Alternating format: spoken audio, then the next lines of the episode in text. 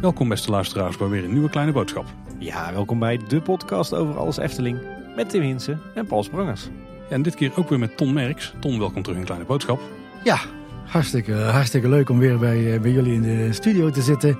En eh, om deze tweede aflevering op te nemen. We hebben een tijdje geleden hebben een hele lange sessie met jou eh, gehouden. Die hebben we uiteindelijk in twee delen moeten splitsen. Want uh, we hebben echt heel veel informatie uit jou kunnen halen. En dit is het tweede deel van, van dat gesprek. Zeg, wat, wat ligt hier op tafel, Ton? Jij hebt hier een, nou wat is het, bijna monumentaal A4'tje neergelegd. Ja, dat is een stilstandsoverzicht van seizoen 94. en ik denk dat het ongeveer het eerste is wat, wat toen destijds gemaakt is. Ja, wij hadden dus eigenlijk dat is voor die tijd geen overzicht van ja, hoeveel stilstand hebben we nu eigenlijk uh, aan die attracties? En is dat acceptabel of niet? Hè? Dat wordt natuurlijk altijd wel, uh, zeker door de operationele afdelingen geschreven van, ja, het staat altijd stil, is altijd kapot die attractie. Maar ja, om dat dan te onderbouwen met, met van, ja, wat hebben we dan, hoeveel stilstand hebben we gehad en waarom? Ehm, ja, dat was het dus niet. Dus destijds zijn we ook met die storingsdienst, die hebben we wat geprofessionaliseerd. Uh, door, uh, op een gegeven moment hebben we zelfs, is er zelfs iemand helemaal vrijgemaakt die zich alleen maar bezig hield met. Hij zit aan de telefoon. Als er een storing is, kun je daar naartoe bellen. Speciaal nummer. Uh, en die, gaat dan, uh, die stuurt dan een monteur daar naartoe. ik geloof dat tegenwoordig zelfs de storing dus helemaal apart is van, van alles. Destijds was het gewoon een soort roulatiesysteem. En deed alle monteurs mee in zo'n soort storingsdienstpool. En moest je, dat in, uh, moest je ook in het weekend een keer werken. En storingsdiensten, storingsdienst lopen. En ja, storingen, ja, in het onderhoud wil je eigenlijk helemaal geen storingen. You know? je, wilt helemaal geen, geen, geen stilstand hebben. Het, het, apparaat moet eigenlijk gewoon altijd draaien en beschikbaar zijn voor je gasten. Ja, je kunt dan hier ook een beetje zien natuurlijk dat uh, bijvoorbeeld Droomvlucht, zoals je net al zei, die had wat best wel wat stilstand in 1994. Volgens mij is na de, na de opening, dat was 106 uur, over het hele seizoen uh, gesproken. Daar waren pas nog wel wat, uh, wat, wat uh, aanloopprobleempjes destijds met die, met die voertuigen. Ook zelfs na het, na het ene jaar stilstand dat hij nog niet open kon. En de verbeteringen die daar dan daarna aangepast zijn. Maar natuurlijk is niet alles opnieuw gebouwd toen aan, aan die voertuigen. Met name aan de, de, de, de elektronica die op, op die voertuigen zat. Natuurlijk, het eerste stuk van Droomvlucht is redelijk rustig voor die voertuigen. Maar dan kom je dat, in dat sompenwoud met, die, uh, met die spiraal zeg maar, waar je naar omlaag gaat. Ja, dan, gaat het toch met hogere snelheden. Dan schudt dat hele voertuig wat meer. Er zijn twee dingen waar elektronica niet van houdt. Waar printplaten niet van houden is van schudden en van hogere temperaturen. Dus de hogere temperaturen in die kast is best wel een probleem geweest. Maar ook dat, dat componentjes op printplaten of printplaten loslieten. Die steek je toch ergens in, die komen dan los mensen loskomen, heb je een storing. Maar van in ieder geval een goed, goed, uh, goed inzicht. Ja, uh, meten is, uh, weten is meten. Als je, als, je, als, je niks, als je niks meet, dan weet je ook niet waar je bent en wat je moet doen. En waar je aan moet werken, waar je moet focussen. En dat is een beetje, sluit een beetje aan ook met het verhaal natuurlijk van ja, de mensen hebben al betaald als ze binnenkomen. Dus als de attractie stilstaat, oké, okay, het geld is binnen toch? maar ja, de, de, de, de, de gastbeleving wordt gemeten. Ik heb wel eens gezegd van als je nou, als je nou voor de Efteling apart, voor elke attractie apart moest betalen. Hè, en je zou zeggen van oké, ik heb een attractie, eh, Droomvlucht. Eh, stel, dat die duizend, ik geloof dat meer dan duizend uh, personen per uur kan verwerken. En je zou daar 5 euro voor vragen. Hè, zou je dus 5000 euro per uur kunnen verdienen. Of dat, dat is je omzet. Als je dus stil staat, als je het zo bekijkt, dan zou je dat ook dus 5000 euro of gulden per uur kosten. Want die ben je kwijt. Want die, en op de kermis werkt het natuurlijk zo. Ja. En, en uh, ik, heb, ik heb in overleggen gezeten met uh, kermisexploitanten. En dat, dat, dat, dat is heel iets anders dan parken, want die hebben één attractie. Als die attractie het niet doet, dan hebben ze geen inkomsten uh, die dag of dat uur. En ook de onderhoudskosten natuurlijk. Dus dat, dat is een beetje het verschil, hè, dat je, wat je ziet. En zo kijkt de industrie er natuurlijk wel tegenaan. In de industrie is het maar heel normaal dat uh, als een schip niet vaart, ja, dan kost het gewoon uh, tonnen. Ja. Ja. Dus uh, Als ik naar jouw stilstandoverzicht uh, kijk, Ton, dan valt me op dat uh, in 94 uh, Droomvlucht was wel echt de kampioen stilstand. Maar ook Pegasus en Pagode hadden veel last van storingen. En wat ik nog veel interessanter vind is eigenlijk de staafdiagram die je zelf hebt getekend ehm, op de, zeg maar in de tijd. Is dat met name de eerste vier, vijf weken van het seizoen, dat daar de stilstand het allergrootste is. Ja, If it, if it isn't broken, don't fix it, zeggen ze altijd. Maar ja, bij onderhoud, hè, dus als die kapot gaat, moet je er, eh, als, als het niet kapot is, moet je er ook niks aan doen. Dus iets wat loopt, dat, iets wat draait, ja, daar moet je eigenlijk gewoon van afblijven, zeggen ze altijd. Maar ja, je moet natuurlijk wel onderhoud plegen. Dus we halen dingen uit elkaar. Soms moet er een besturing uh, gemoderniseerd worden. Soms van besturingen kun je de onderdelen niet meer krijgen. Uh, dat, dat, dat komt tegenwoordig nog steeds voor. Uh, we noemen dat obsolet onderdelen worden niet meer gemaakt. Moet je dat gaan vervangen? Met name met besturing is dat natuurlijk zo. Dan zijn de storingen oorzaak door mechanisch falen? Of is het, is het gewoon dat er iets besturingstechnisch niet goed is? En, en dat je moeilijk kunt vinden wat de, de, de oorzaak is. Hè? Zeker met heel veel sensoren. En destijds had je nog niet besturingen die al meteen op het scherm lieten zien van hey, uh, sensor of inductie sensor PX15 is eh, kapot bovenop de lift. Tegenwoordig zie je dat, zie je dat meteen en kun je ook meteen daar actie op ondernemen. Maar destijds moet je best wel soms lang zoeken voor je de storing gevonden had. en, als iets mechanisch niet goed was, of je ontdekte iets en je had het onderdeel niet, ja, dan was je natuurlijk alweer verder. En staan dat je moet, iets moet repareren waarbij je moet gaan lassen. Dan ben je ook alweer een dag verder of twee dagen. Dus, uh, en je ziet altijd na zo'n onderhoudsperiode dat je wat meer storing hebt in het begin. Ja, en dat eigenlijk wil je dat niet. Dus je moet dan zorgen dat je op tijd klaar bent met je onderhoud. Dus dat je ook nog tijd hebt om proef te draaien met, met je installaties, met je attracties. Uh, zodanig dat je, als je moment dat je dan met gasten open gaat vergasten, dat, dat ding ook dan al een aantal draaiuren achter zich heeft. En, in, en, en ik herinner me natuurlijk best wel dat als je meer attracties krijgt en je moet meer organiseren uh, en je hebt het niet allemaal goed op de rit staan. En je mist onderdelen. Of je, je begint te laat aan een attractie. En je doet, haalt attractie uit elkaar. En je gaat inspecties uit, uitvoeren. En je komt dingen tegen en zegt van ja, maar daar heb ik geen onderdelen voor, voor besteld. Dus die moet ik nu nog bestellen. Moet ik ze dan nog inbouwen. En als dan alles op het eind voor, zo'n, voor het nieuwe seizoen op een hoopje loopt. Dan heb je soms te weinig mensen. Dan moet je gaan overwerken.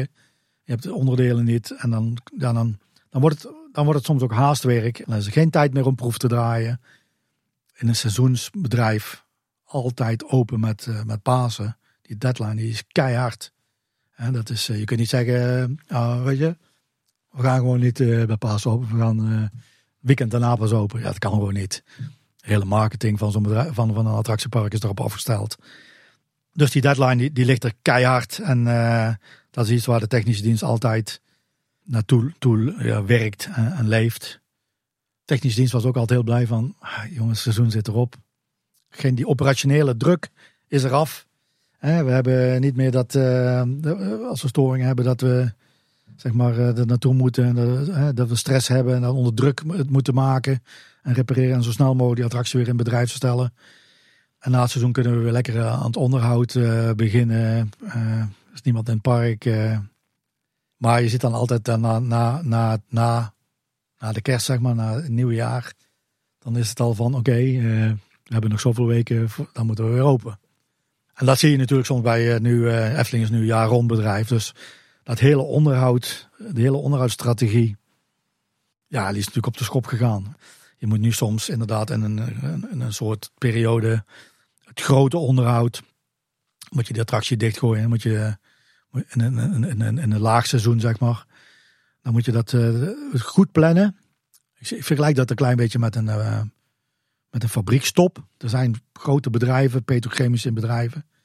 Bijvoorbeeld met de kerst gooien ze alles dicht. Dan hebben ze twee weken om al het onderhoud van het hele jaar te doen. En uh, dan, dan, huren ze bedrijven in. Dan, daar, zijn mensen, men, dat is een team van mensen, is daar gewoon weken, maanden van tevoren mee bezig om die stop voor te bereiden. En dan maar hopen dat ze alles wat ze denken en, vooraf uh, weten wat ze moeten doen, dat ze dat dan ook uh, vervangen. Dat ze dat weten. En dan uh, moeten ze de hele spul weer opstarten. En dan gaat het gewoon 24-7 voor de rest van het jaar gaat het door. Of je moet uh, redundant lijnen hebben. Dat zie je dus bij parken soms wel dat ze, als je drie treinen hebt. Ja, dan kun je natuurlijk gewoon een, uh, in, in, in, het, in het laagseizoen. Zeg maar, ik heb maar twee treinen nodig voor de capaciteit. Kun je gewoon twee treinen in bedrijf houden. En één trein die gooi je uit elkaar. En dat wissel je dan zo door het seizoen of door het jaar door wissel je dat uit. Maar het is een hele andere manier van, van, van onderhoud plegen. En, en, en dan moet je ook data hebben van je onderhoud. En ze noemen dat een beetje ja, predictive maintenance, hè, voorspellend onderhoud. Wat ik in attractieparken nog niet zo heel veel zie, maar in de industrie dus wel. Hè, ze hebben overal voor het sensoren zitten. Ze verzamelen ontzettend veel data. En eh, aan de hand van die data ja, kunnen ze zeggen van nou, ja, we, zien toch dat er wat aankomt. In, in, in de attractieparken deed dat bijvoorbeeld allemaal hele grote motoren en, uh, en vertragingskasten. kun je dus trillingsmetingen doen. Dat moet je dus wel dan regelmatig doen. Want anders heb je geen overzicht, historische waardes. Uh, je kunt niet zeggen van ik ga het even de eerste keer doen en ik zie iets. Nee, dan, dan, dan, je moet weten hoe het origineel is. En dan kun je zien of het, eh, de conditie van zo'n lager zich verslechtert. En dan kun je dus vooraf gaan plannen dat je zo'n lager gaat vervangen. Of zo'n kast gaat vervangen. Of uh, uitwisselen of stilgooien. Maar dan is het allemaal gepland. Want het is niet zo dat je sommige vertragingskasten die liggen gewoon niet op de plank. Die moet je gewoon, ja, dan moet je gewoon naar een uh, speciaal bedrijf toe. Als dat la Meestal is het zo, bij vertragingskasten, als die begint te lekken, dan, dan, dan heb je al een probleem, want je seal lekt alleen maar als je lager kapot is. Dus als je lager kapot is, dan ga je tandwielen kapot. Nou, dan wordt, gaat het echt van kwaad tot erger. Totdat je natuurlijk vastloopt. Maar voor die tijd is het meestal al uh, lekkages. Ja, en dan ben je eigenlijk al te laat. Want dan heb je al gevolgschade. Dat is nog steeds, maar dat is in de industrie en in de parken ja, wat, wat leg ik als voor, voor reserveonderdelen uh, aan? En heb ik ze dan ook ooit nodig, of niet? dat zie je dan ook wel eens gebeuren. Leveranciers geven je dan een, uh, een voorstel voor reserveonderdelen. En als je dan na 15 jaar in het magazijn komt, dan liggen diezelfde onderdelen nog, die zijn nog nooit aangeraakt. Maar je hebt wel andere nodig gehad ondertussen waarschijnlijk. Maar waarschijnlijk wel andere. Ja, ja, natuurlijk. Wij noemen dat critical spare parts. En dan heb je natuurlijk gewoon de slijtage uh, delen. Waarvan je weet, busjes, lagertjes, uh, boutjes, moertjes. Die, die, moet je dan gewoon, uh, gewoon vervangen. Maar dat is natuurlijk iets wat bij de, bij de Efteling ook. Het professionaliseren van het onderhoud. Ik zal nooit vergeten, was Nico, Nico Razenberg was chef van de werkplaats.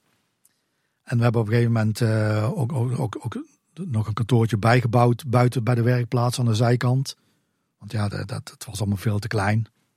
En uh, we merkten op een gegeven moment dat, uh, dat Nico ook niet meer uit zijn hokje uitkwam. Hij, hij zat of met, uh, met vertegenwoordigers te praten, of hij zat met zijn eigen mensen te praten. Of hij was bestelbonnen aan het uitschrijven. Van die mooie boekjes met, met zo'n doordruk ding. En alles wat besteld moest worden, moest, op dat, moest daar ingevuld worden. En dat was, Nico was eigenlijk aan het werk voorbereiden. En, en, en, dan zie je ook dat doordat je daarmee bezig was, was je, was je niet meer in het veld noemen dat veld, het was niet meer een park. Hij is niet meer wat er speelde. En daar kon ik er niks aan doen, want het werd gewoon, ja, het werd groter. Uh, de organisatie die, die, die vroeg daarna. En dat stuk administratief werk en dat voorbereiden, ja, dat deed hij ook. En dat, dat, dat, op een gegeven moment gaat dat natuurlijk, zie je dat fout gaan. En als je naar de, dan weer, als je dan terugkijkt naar de industrie. In de industrie was het al heel normaal dat je werkvoorbereiders had. Je kan je je niet voorstellen dat je in, in de bouw, is het ook al, zeker bij projecten, dan zeggen ja, eh, fabrieken die dingen maken, we hebben gewoon mensen die werk voorbereiden. Maar voor het onderhoud heb je ook werkvoorbereiders nodig. Dat zijn mensen die niet deelnemen aan het operationele proces. Dus dus niet weggerukt worden van een, van een bureau. Op het moment dat je ergens mee bezig bent en er is een storing die ook de aandacht van de chef technische dienst vraagt of uh, de, de, de chef werkplaats dat hij weg moet en dan weer terugkomt en zegt, oh ja, waar was ik ook weer gebleven? En dat zie je tot de dag van vandaag zie je dat nog in parken gebeuren. Dat, die zijn niet in lijn met wat, wat in de industrie gebeurt. En ik zeg altijd, waarom niet? Waarom is dat, waarom is dat zo anders dan in de industrie? Dat is niet zo. Dat is gewoon hetzelfde benadering, hetzelfde manier van, uh, van organiseren. Alle parken waar ik kom, en dat is ook een beetje een voordeel van mij van, van een corporate functie hebben, ja, ben ik dat aan het pushen. Hè. Eh, ik zie dat gewoon gebeuren. Die supportfuncties die moeten er gewoon komen. Dat geeft zoveel meer eh, rust en maar ook een betere voorbereiding eh, en geen ad hoc. Dus we hebben toen inderdaad werkvoorbereiders geïntroduceerd bij de Efteling. De, organisatie wat, wat, wat, wat, wat, wat aangepast, wat veranderd.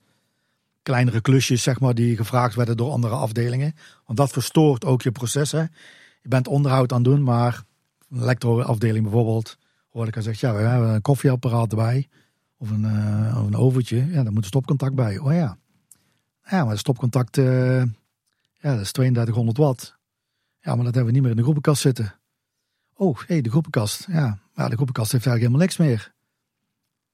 Er moet een nieuwe kabel getrokken worden van de trafo uh, naar, naar het restaurant omdat we ergens één stopcontact erbij willen hebben. Omdat de groepen niet meer, uh, niet meer uit, uit te breiden waren. En dan snappen ze niet van. Dan maak je calculatie voor één stopcontact. En zeggen ze, ja, maar hoe is de stopcontact dan zo duur? Dat zijn dan voorbeelden. Maar destijds zijn we gewoon begonnen van, oké, okay, wat wil je? Dat is een soort, voor een soort uh, aanvraag dien je in als uh, operations of als food and beverage.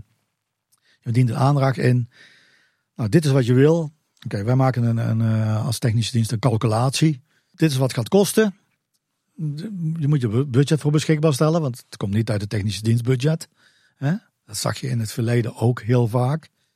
Van al die kleine vraagjes, uh, requests die, die kwamen van een plankje hier en, en een dingetje daar en uh, een zusje, dingetje zo.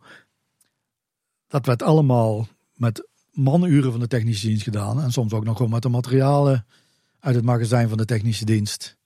En dat werd gewoon allemaal op het onderhoudsbudget gedaan eigenlijk dus.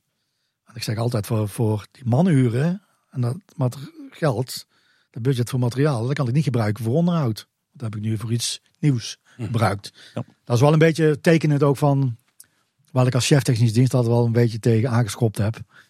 Uh, in alle parken waar ik gewerkt heb. Dus, uh, maar het geeft in ieder geval duidelijkheid van als iemand iets wil, dat dat dan gewoon budget voor beschikbaar uh, moet komen. En, en de technische dienst dus ook die, die capaciteit beschikbaar moet hebben voor zoiets. was heel mooi, want bijvoorbeeld Jacco Ophorst, uh, die naam zal misschien wel bekend zijn. Die heb ik destijds aangenomen als uh, een van de eerste werkvoorbereiders voor de elektroafdeling. En toen hadden we op het binnenplaatsje, waar nu het museum is, zeg maar, hadden we dan twee containers neergezet. Daar zat dan Jacco Ophorst en Peter van Holt in. Eén voor de W en één voor de E. En Jacco heeft natuurlijk ook een hele carrière doorgemaakt in de Efteling. En het was heel erg leuk dat toen hij 25 jaar in dienst was, dat hij, dat hij mij ook uitnodigde om om daarbij aanwezig te zijn bij de receptie. Het was heel erg, heel erg leuk om daarbij bezig, aanwezig te zijn. Ja, hij is inmiddels senior projectmanager, zag ik bij. Ja, hij is toen in de projecten, in de projecten terechtgekomen. Hè. Dus ja, dat, dat project, dat is in de Efteling ook destijds mede door Van de Brand helemaal losgewerkt van, uh, van, van de operationele afdelingen. En ik denk ook dat dat goed is en dat je daar ook niet meer, dat ook die op die voet voort kon zetten op dat moment. Maar jij zegt, je, je hebt uh, bij de technische dienst echt pro vooral proberen te focussen op dat onderhoud. Uh, maar, maar, was er vanuit jouw rol nog wel betrokkenheid bij een aantal uh, nieuwbouwprojecten destijds? Ik denk dan bijvoorbeeld aan Pegasus, Lavelaar, Droomvlucht. Ja, projecten na 1990 was natuurlijk ja, Pegasus. was ook wel een apart, apart, apart project. Lex heeft daar de vorige keer ook al het een en ander over verteld. Maar ja, toen zat ik inderdaad al volop in het, in het onderhoud natuurlijk. Ja, daar hadden we ook wel de nodige uitdagingen. Ik heb menigmaal de trein, zeg maar, dat hij niet op de, de lift inhaakte. Dat je, dat dan een stukje terugliep. Dat vervolgens met een aantal mensen dan de lift op moesten duwen, de trein, om, om, om, om in te haken. en natuurlijk, ja, dat hout dat werd nat en dat zette uit. En ja, dat was, onderin was het dan weer nat. En, op het hout was natuurlijk een beetje, te viel onder de bouwdienst. Dus uh, wij focussen meer op de, op, de trein zelf. Maar ik geloof dat echt de problemen aan de baan wat, wat, later kwamen toen ik al ondertussen al weg was met de Pegasus. Ja, het was natuurlijk een beetje een raar project met DIN Corporation, met Intermin. En dat die Amerikaanse firma van de een op de andere dag gewoon helemaal niet meer op het bouwterrein aanwezig was. En toen maar gezocht moet worden, hoe, gingen we, hoe gaan we dat ding verder afbouwen? En houtachtbaan, ja, op zich is natuurlijk altijd wel weer iets aparts. Want ik denk dat het toch in Europa wel een van de eerste, het vasteland van Europa was. Ja, zo, in ieder geval de, de heropleving van de houten achtbaan. Ja, en dan kan je volgens mij in, in, in Europa zelf dat er bijna geen houten achtbanen zijn. Of later gebouwd.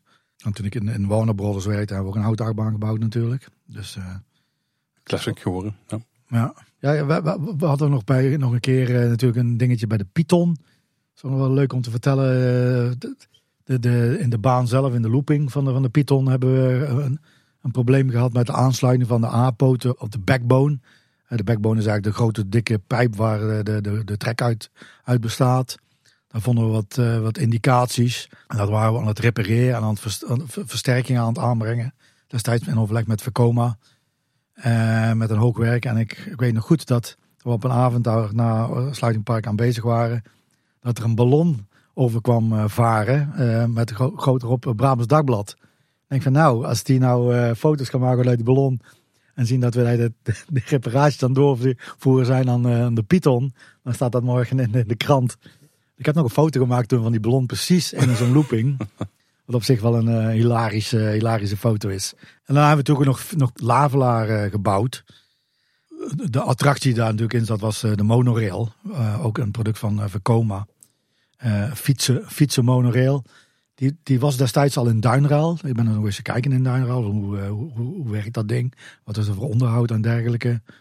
Het is alleen zo dat bij, bij de Efteling in het Lavelaar had je als je terugkwam, dan kon je dus omlaag, een soort wissel ingebouwd, met een, met, met een ketting in een groot, wat op zich, op, op zich helemaal niet uh, goed te functioneren. Volgens mij ging die fiets eerst omlaag en dan ging die met de ketting weer omhoog. En ik zie nog Jacques Hoebe, de directeur van Verkoma destijds, staan kijken toen we daar alle problemen mee hadden van hoe hebben we dat ooit zo kunnen, kunnen bouwen. Het was ook zo dat die, die fietsen, ja, die trapten wel ontzettend zwaar. En de EHBO moest daar eh, regelmatig naartoe, omdat daar met name als opa met kleinkind uh, in, de, in de fietsenmolen ging, dan, uh, dan kwam die met hart, hartklachten kwam die eruit ongeveer. of, of mensen werden daar niet goed in. het was echt heel erg zwaar, zwaar trappen. En destijds is het ook ervoor gekozen om, volgens mij ook na mij, om dat ding zeg maar helemaal als een elektrische monorail uit te voeren. En waardoor je door die huisjes ging en door het, door het, door het lavelaar. En natuurlijk hebben we daar de kleine, kleine mechaniekjes in zitten. En de, in de animatronics. Uh, leukste vind ik altijd nog de bakkers. Uh, die drie bakkers staan met zo'n uh, de deeg staan te kneden. Dat vind ik nog altijd wel een van de leukste dingetjes in, het, in het lavelaar. Daar zou wij het mee eens. Ja, expliciet, ja. expliciet genoemd volgens mij. Zelfs. Ja, ja, ja. Ook weer nokkenschuifsysteem daar. Weet eigenlijk dat we daar uh, veel nokkenschijven hebben toegepast. Het meeste is op, volgens mij toch wel op perslucht uh, gegaan met, met luchtcilindertjes. Hebben ook een ringleiding uh, daar gelegd en, uh, de, om, om, overal uh, lucht te hebben. Ja, en dan komen we natuurlijk ook een beetje bij, bij droomvluchten uit. Toen was ik als chef technische dienst toen droomvlucht gebouwd is natuurlijk. Dus ik was daar zijdelings wel bij betrokken. Ik weet niet of ik de video nog heb. Ik heb in ieder geval wel foto's nog van dat we met een aantal mensen naar het noorden van Wales zijn gegaan. Naar Flint. Volgens mij zo dat, dat, dat dorpje. En daar had je dan dat bedrijf zitten wat zeg maar de, de, ja, de trek en, en de voertuigen van, uh, van Droomvlucht bouwden. En wij gingen daar uitnodigen omdat ze hadden een proefopstelling gemaakt. Waar je omhoog ging en omlaag ging en, uh, en een, rondje kon draaien met die voertuigen. En, en, wij gingen daar ook met name naartoe om, uh, om geluidsmetingen te doen. Om te kijken dat, dat het voertuig niet uh, zoveel geluid maakte dat dat zeg maar, de beleving van de gasten zou verstoren.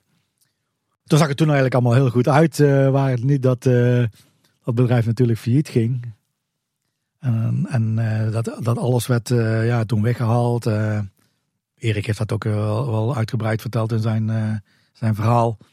En, en toen moest er natuurlijk iets anders gebeuren. Toen is dat eigenlijk bij een andere firma ondergebracht, firma Translift, met een Zwitserse moedermaatschappij. En die hebben eigenlijk het ontwerp klakkeloos één op één overgenomen. Die zijn dat niet opnieuw gaan berekenen of wat dan ook. En ja, toen, toen het moment suprem dat het allemaal in bedrijf moest komen, dus, dus loodtesten gingen uitvoeren in doorvlucht. En je de eerste helling opging na, na de instap. Ja, een helling van 13, 13 uh, graden of, of, zoiets, 13,5 graden. Ja, ging dat voertuig dus gewoon slippen. Hij kwam daar gewoon niet uh, tegenop. Wat natuurlijk een, gigantische deceptie was uh, op dat moment. Alles was klaar. Daar heeft iedereen heel menig uur ingestopt om, uh, om alle effecten, poppen, zeg maar, uh, decoratie, om dat klaar, klaar te krijgen. En het was ook helemaal gereed om open te gaan. En toen kon dat door het transportsysteem niet, niet gebeuren. En ja, daar zie je ook weer eens een keertje natuurlijk van, ja, hadden we dat dan niet kunnen voorzien? Er, is geen, er is geen derde partij geweest die dat heeft nagerekend. Hè, om te zeggen van, kan dat allemaal wel? Toen ik klein stukje papier even een klein beetje een berekening maakte, dacht van, oh, jeetje, jeetje dat is al... Uh, dat gaat, dat, gaat niet, dat gaat het niet lukken, denk ik, met dat gewicht. Dus dus geen, derde naar, gekeken. En uh, ja, toen waren we een beetje terug bij af. En toen is inderdaad een nood uh, scenario bedacht, bedacht. Ja, het kon natuurlijk niet open. Nou, dat was dus al een gigantische deceptie voor, voor iedereen. zowel voor het personeel die eraan gewerkt had, als voor de gasten natuurlijk die er niet in konden. En we zijn toen dus met, met hoe heet dat, AEG geloof ik heette dat zijn we aan de slag gegaan. Uh, en die hebben dat allemaal met andere motoren en, en, dergelijke. Hebben ze daar de, de, zaak veranderd. Maar ja, daar ging natuurlijk zoveel tijd overheen. Om dat voor al die voertuigen te doen. Om dat weer te testen. uit te engineeren, te bouwen. ja, dat daar een heel seizoen overheen gegaan is. Ja, ook met de effecten. Ik, ik, was destijds al bezig met die cursus voor maintenance management. En we moesten toen een soort projectje doen. En, en, dat heb ik toen gedaan over het, uh, over het mistsysteem. En, hm. Nou, in het Sompenwoud natuurlijk zat dat. Uh, het zat eigenlijk door de hele, door de hele attractie heen. En, en, en, en waar die, zeg maar die wereldbollen zitten en de, de burgten, die burgten zitten. Dat is, dat is dus eigenlijk een MMMEE Fox system, noemen ze dat. En dat is, is eigenlijk water onder hoge druk vernevelen. Dan had je dus eigenlijk centrale pompunten staan met hoge drukpompen en een leidingssysteem. Uh, naar die verschillende uh, locaties. Uh, ik had laatst nog een keer ergens opgezocht. Toen kwam ik tegen dat het ongeveer 1200 meter was. Ik denk, jee, dat was best wel veel. Zo. en dat was, dan kun je je voorstellen, dat is dan dunne koperen leiding. En die koperen leiding komt op een rol. Dat is dan zacht koper. En dat kun je dan uitrollen en, en bevestigen. En dat koper, dat hardt natuurlijk op een gegeven moment een beetje uit. doordat je solenoids hebt die open en dicht gaan. Dat zijn snel schuitende ventielen krijg je ook drukschokken in zo'n leidingssysteem. En dat koper, wat een beetje ja, bros werd, en, en of ergens geknikt had, of waar toevallig een knikje of een, een, beschadiging zat. Ja, daar ging het op een gegeven moment lekken. En die leiding liep ook door de besturingsruimte heen. Oei. Ah. Dat was dus natuurlijk iets van, ja, hoe kun je nou waterleidingen door besturingsruimtes laten lopen? En en dan ook nog eens een keer onder hoge druk, want dat gaat dus helemaal vernevelen. En dat wil je natuurlijk niet in, uh, in een besturingsruimte met alle elektronica hebben. Dus we hebben toen al die leidingen zijn toen vervangen door uh, roestvrij staal uh, leidingen met koppelingen. En we hebben natuurlijk dat stuk van de besturingsruimte geëlimineerd en er een beetje gereroute, om het zo maar te zeggen. Maar dat was een van de dingen in, in, in Droomvlucht. En waar ik dan wel bij betrokken was, is ook met het hele brandmeldsysteem en, en sprinklersysteem heb ik ook best wel veel uh, mee gedaan en begeleid als, als een soort projectje. Want dat was het eerste uh, gebouw in de Efteling wat sprinkler had. Ook een beetje met bouwvoorschriften en dergelijke en de brandlast die erin zat. Je kunt een andere brandlast toepassen als je sprinkler hebt dan je geen sprinkler hebt. Het allerbelangrijkste is natuurlijk dat je een goed uh, rookdetectiesysteem hebt om, om mensen te kunnen evacueren als er brand komt. Die sprinkler is toch meer, zeg ik altijd, voor de verzekering om gevolgschade te voorkomen. Dat je, dat je kunt gaan blussen alvast uh, met water. Maar ja, de Efteling had natuurlijk totaal geen ervaringen met, uh, met sprinklerinstallaties. Het is wel een bedrijf in de bos die dat uh, deed. Je moet daar ook een heel pakket van eisen voor opstellen. Dat is best, dat is best nog veel en, en, en een lang traject wat allemaal weer goedgekeurd moet worden. Je kunt niet zomaar zeggen van ik doe daar een sprinklerkop en daar niet. het moet allemaal uitgelegd worden volgens normen. En je moet natuurlijk zorgen dat je watervoorziening uh, verzorgd is. Uh, op de waterleiding aansluiten, dat was destijds geen optie. Uh, of misschien niet voor toekomstige toepassingen nog. We hebben toen een stuk, een stuk van de vijver, van de voorvijver van de gondoletta, afgedamd. en ik weet niet of er toen de spoor al over het water liep of niet. En dat hebben we helemaal met, met een, een liner voorzien. En toen hebben we daar een, een, kelder gebouwd. Wat eigenlijk later ook nog een podium is geweest. en daar onderin staan dus de sprinklerpompen. Uh, met een leiding helemaal langs de speelweide, langs het spoor. Achterlangs door het Sprookjesbos een stuk naar, uh, naar Droomvlucht toe. En daar zat dan ook nog een jockeypomp bij die, die die leiding op druk hield. En dat was allemaal nog bewaakt. Dat was een heel, heel, uh, een heel project. En ik weet nog wel, we hadden in, uh, in Droomvlucht uh, geen rookmelders. In de zin van, als je een rookmelder hebt en je hebt je boven tegen het plafond zitten. Hoe kom je daar nog bij straks? Je kunt niet in droomvlucht overal zomaar iets opstellen, waardoor je boven bij het plafond bij die rookmelder kan komen. Laat staan als je een, uh, zeg maar een doek inlegt, een hemel in, in maakt met sterren of wat dan ook. En je hebt daar allemaal van, van, die, van die dingen onderuit hangen als zijn de rookmelders. Dus we hebben daar gekozen voor een rassysteem, een rookafzuigsysteem. Uh, dat is eigenlijk een kunststofleiding met gaatjes erin. En, en, en, er zit dan ergens een rookmelder met een uh, ventilator. En dat, die zuigt constant lucht door, de, door dat systeem heen en blaast dat door een rookmelder heen. En als je dus roetdeeltjes uh, detecteert, dan gaat hij dus een, een, een alarm uh, afgeven. Volgens mij zat dat in Fata Morgana destijds ook al in. En, en ja, de evacuatie was, is natuurlijk sowieso een, een dingetje in, in droomvluchten. je moet dan ook zorgen als, als mensen op bepaalde stukken uh, kunnen uitstappen. Dat ze dan ook niet, zeg maar, uh, in, in, in een gat stappen aan het eind. Hè? Nee. Dus uh, we hadden ook weer van die hekjes die met magneten, die neergeklapt waren en vastgehouden werden. En die in het geval van evacuaties de hekjes omhoog konden. Dat mensen niet daar in de verkeerde richting zouden lopen en dan naar beneden zouden vallen. Die zitten er nog steeds trouwens op de vloer. Je moet maar eens opletten als je ja, het ook in, gaat, dan ja, zie je ja, ze nog liggen. Ah, de plateaus als je de Elftuin binnenkomt, volgens mij. Ja, ligt er ook eentje. Ja, maar volgens mij liggen ze bijna overal. Ja, ja, die attracties zijn natuurlijk best wel doolhoven als je, als je er voor de eerste keer komt backstage. Uh, waar moet je naartoe, waar kun je lopen? Dat is ook Fata Morgana natuurlijk. Uh. Wij gingen daar wel eens lopen ook uh, als, als, de, attractie gewoon in bedrijf was. Of we gingen stiekem achter bij de, bij de Pasha staan. kijken van, zien de mensen nou dat er iemand echt tussen staat of niet? dat was als grap dat wel eens. dat was zo'n beetje droomvlucht. Dus dat, dat is wel iets waar, ja, waar ik zelf, maar dat, zal, dat heeft iedereen noemt dat als, als een, ja, als, als, als, als een, een, slechte ervaring natuurlijk. Uh, in, in zijn carrière bij de, bij de zeker als je erbij betrokken was. Een klein traumaatje. Ja, ja, ja, zeker. Zonder meer. Dat, ja, dat is, was, niet, dat was niet leuk. Ja, de laatste, laatste jaren door de reorganisatie is het toen wat gereshuffeld binnen de technische diensten. Uh, en is ook een hoofdonderhoud aangesteld. Uh, mijn collega en ik zelf konden daar niet, destijds niet op solliciteren. Dat moest gewoon, ze wilden daar gewoon iemand vers, vers in hebben in die, in die organisatie. Achteraf kan ik dat soms wel voorstellen. Oké, misschien moet je gewoon iemand uit de industrie halen met een stukje ervaring daarin. Mijn, mijn collega, die Leo, die van de bouwdienst, die ging toen echt helemaal op zich op projecten en Jacques, zeg maar, die werd dienst, de dienst buitenobjecten, ging die doen. ja, en ik, de, mijn functie is nog een tijdje in stand geweest, maar die kwam op een gegeven moment te vervallen. Dan, dan zeg je, ja, jouw functie komt te vervallen, oké. ja, en dan, ja, je, hebt, je roept altijd over maintenance engineer. Is dat niet iets voor jou dan? ik zei, nou oké, dat, dat wil ik dan wel doen. dat is ook de reden toen ik die cursus gedaan heb, onderhoudsmanagement. Toen had je dus ook niet meer dat je een leidinggevende functie had. Uh, dus, dus dat, dat, neemt wel een stukje druk bij je weg.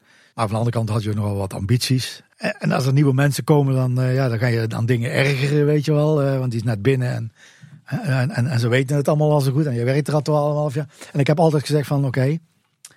ja, dan moet je, als, als, als je niet meer op je gemak voelt in een bedrijf. En je gaat tegen dingen aanschoppen. Of je raakt gefrustreerd. Dan moet je gewoon wegwezen dan moet je ook niet blijven zitten. Dan moet je ook niet wachten tot het bedrijf zegt van hier het houdt het op. Dan moet je gewoon eer aan jezelf houden. En als er zich een gelegenheid voordoet, dan moet je gewoon die gelegenheid pakken. En of je moet gewoon uh, op die trein mee blijven rijden. Ik heb altijd gezegd van, ik vergelijk dat altijd met een trein. En die trein die rijdt op rails. En die rails, dat is de, dat is de strategie, dat is het beleid wat het bedrijf uit heeft gezet. En daar rijdt die trein op. En als jij niet op die trein mee wil rijden, ja, dan daar, daar komt voor jou geen apart spoor naar links of naar rechts. Of er komt ook geen aparte trein. Je moet op die trein mee rijden, of je nou wil of niet. Dat heb ik mezelf ook altijd voorgehouden. Dus dan moet je je ook daarna gedragen, uh, vind ik. Uh, zeg maintenance engineer, ja, dat, dat, dat heb ik ook al wel leuk gevonden om dat te doen.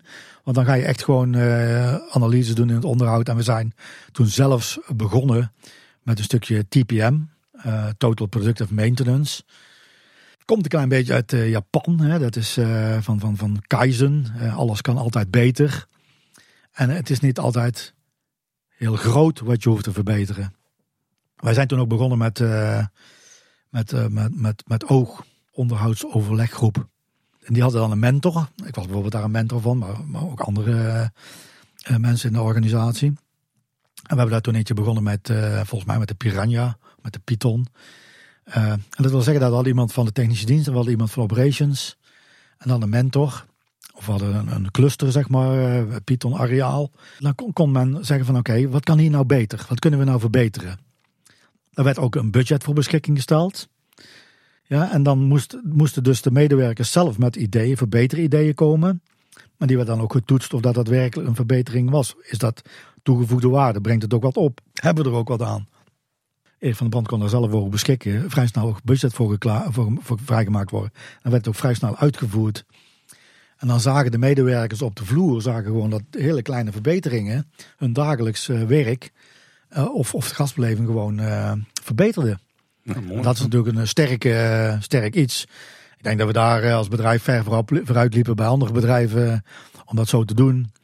Ik heb toen ook nog behoorlijk wat trainingen gegeven. We hebben ook toen destijds, als je zegt van oké, okay, door dat onderhoudsmanagement en dat management ook een vak is, hebben we ook bedrijven uitgenodigd op, op het gebied van storing zoeken. Hè. Kunnen we onze monteurs handvatten geven om uh, beter storingen te zoeken. En sneller tot een oplossing te komen of een oorzaak en een oplossing te komen. Dat hebben we toen allemaal in, in, in, in gang gezet. Het was ook echt erg leuk om dat te doen. Je kijkt dan ook, zoals je bij de industrie zeggen ze van nou, oké. we kijken ook naar, naar, naar verliezen in, in machines, in productiemachines. Het gaat natuurlijk over de stilstandstijden. Maar ook ombouwtijd, als ik een trein moet wisselen, staat die attractie ook stil. Kunnen we de capaciteit halen? En dan komt er eigenlijk zo'n zo'n uh, effect, uh, rendement komt er dan eigenlijk uitrollen. Daar zijn we ook naar, naar aan het kijken geweest bij verschillende attracties. Dat is wel echt heel erg, echt leuk. Escape hebben we toen een beetje als, als voorbeeld genomen. Dat was een beetje de functie van technische dienst en maintenance engineer tot en met november 95. Ja, toen, toen verliet je de Efteling. Je hebt net eigenlijk al een beetje aangegeven waarom.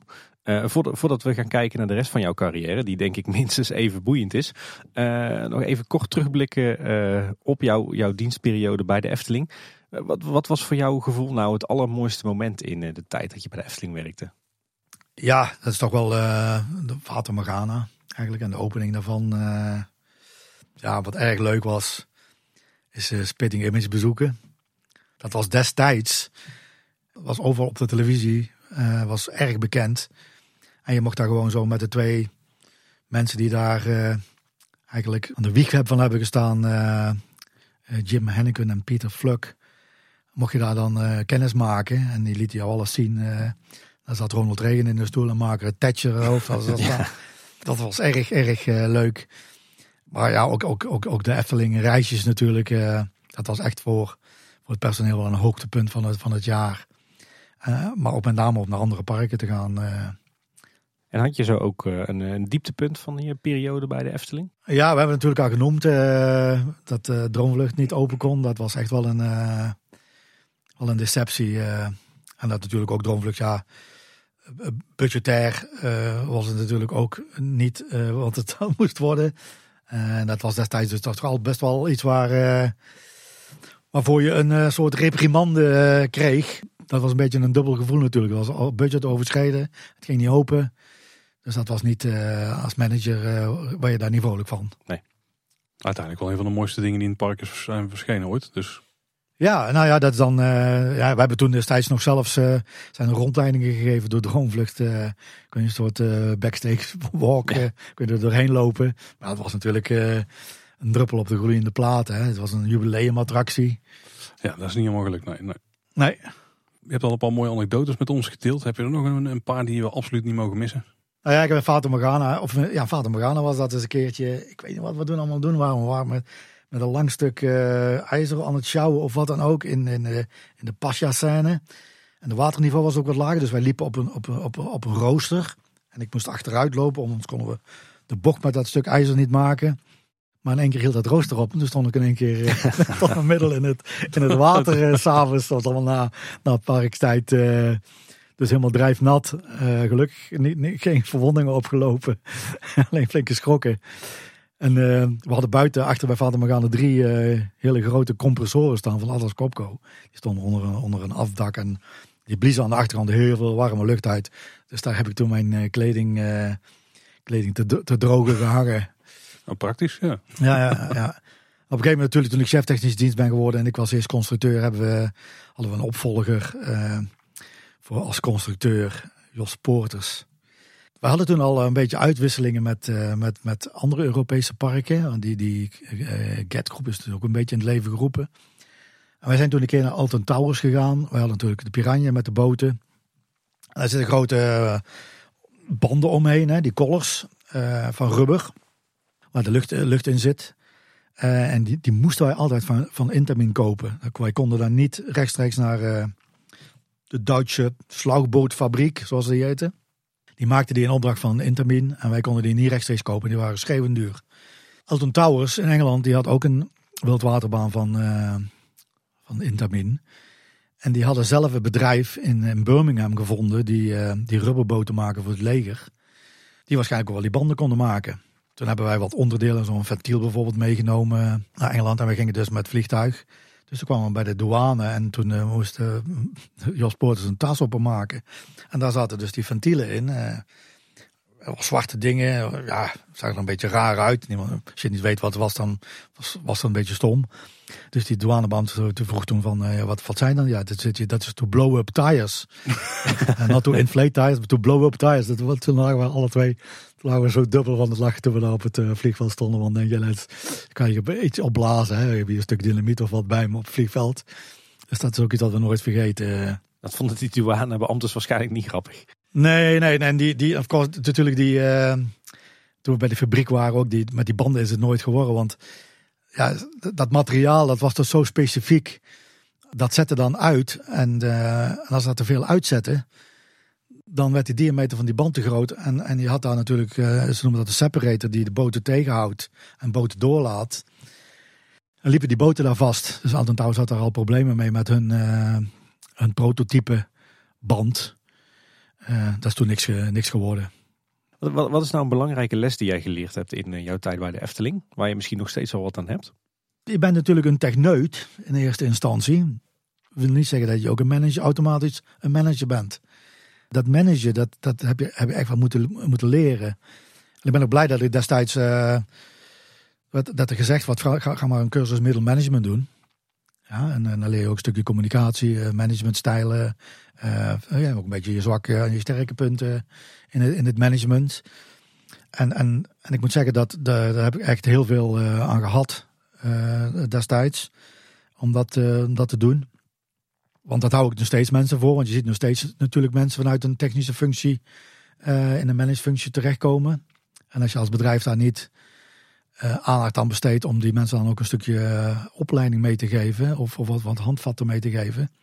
Ja, dan, dan kan het wel eens fout lopen ook. Dat is eigenlijk zonde dan. En, en, ja, niet iedereen zal waarschijnlijk, is, is een natuurlijke leider natuurlijk.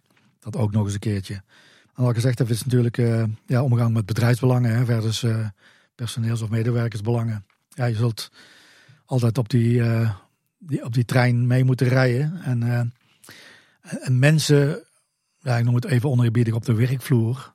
Ja, die hebben toch andere belangen soms dan als je wat hoger in, uh, in de organisatie zit. En die hebben daar ook niet altijd begrip voor, voor bepaalde beslissingen, omdat ze de achtergronden niet weten. En omdat je ook niet altijd de achtergronden kan vertellen. Ja. Dus en dat zijn, dat zijn dingen die, uh, die ik ook al geleerd heb en die ik ook in, uh, altijd voorhoud aan uh, in mijn vervolgcarrière aan mensen heb voorgehouden.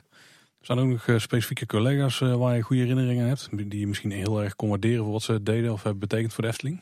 Ja, natuurlijk. Toen ik begonnen ben, heb ik natuurlijk heel veel samengewerkt met Marie van Heumen. En ik heb daar tot op heden nog steeds hele goede contacten mee. Ja, het is niet zo dat we elkaar over de vloer lopen, maar ja, we, hebben wel regelmatig contact. En als kan, uh, dan komen we ook één keer per jaar of één de twee jaar bij elkaar.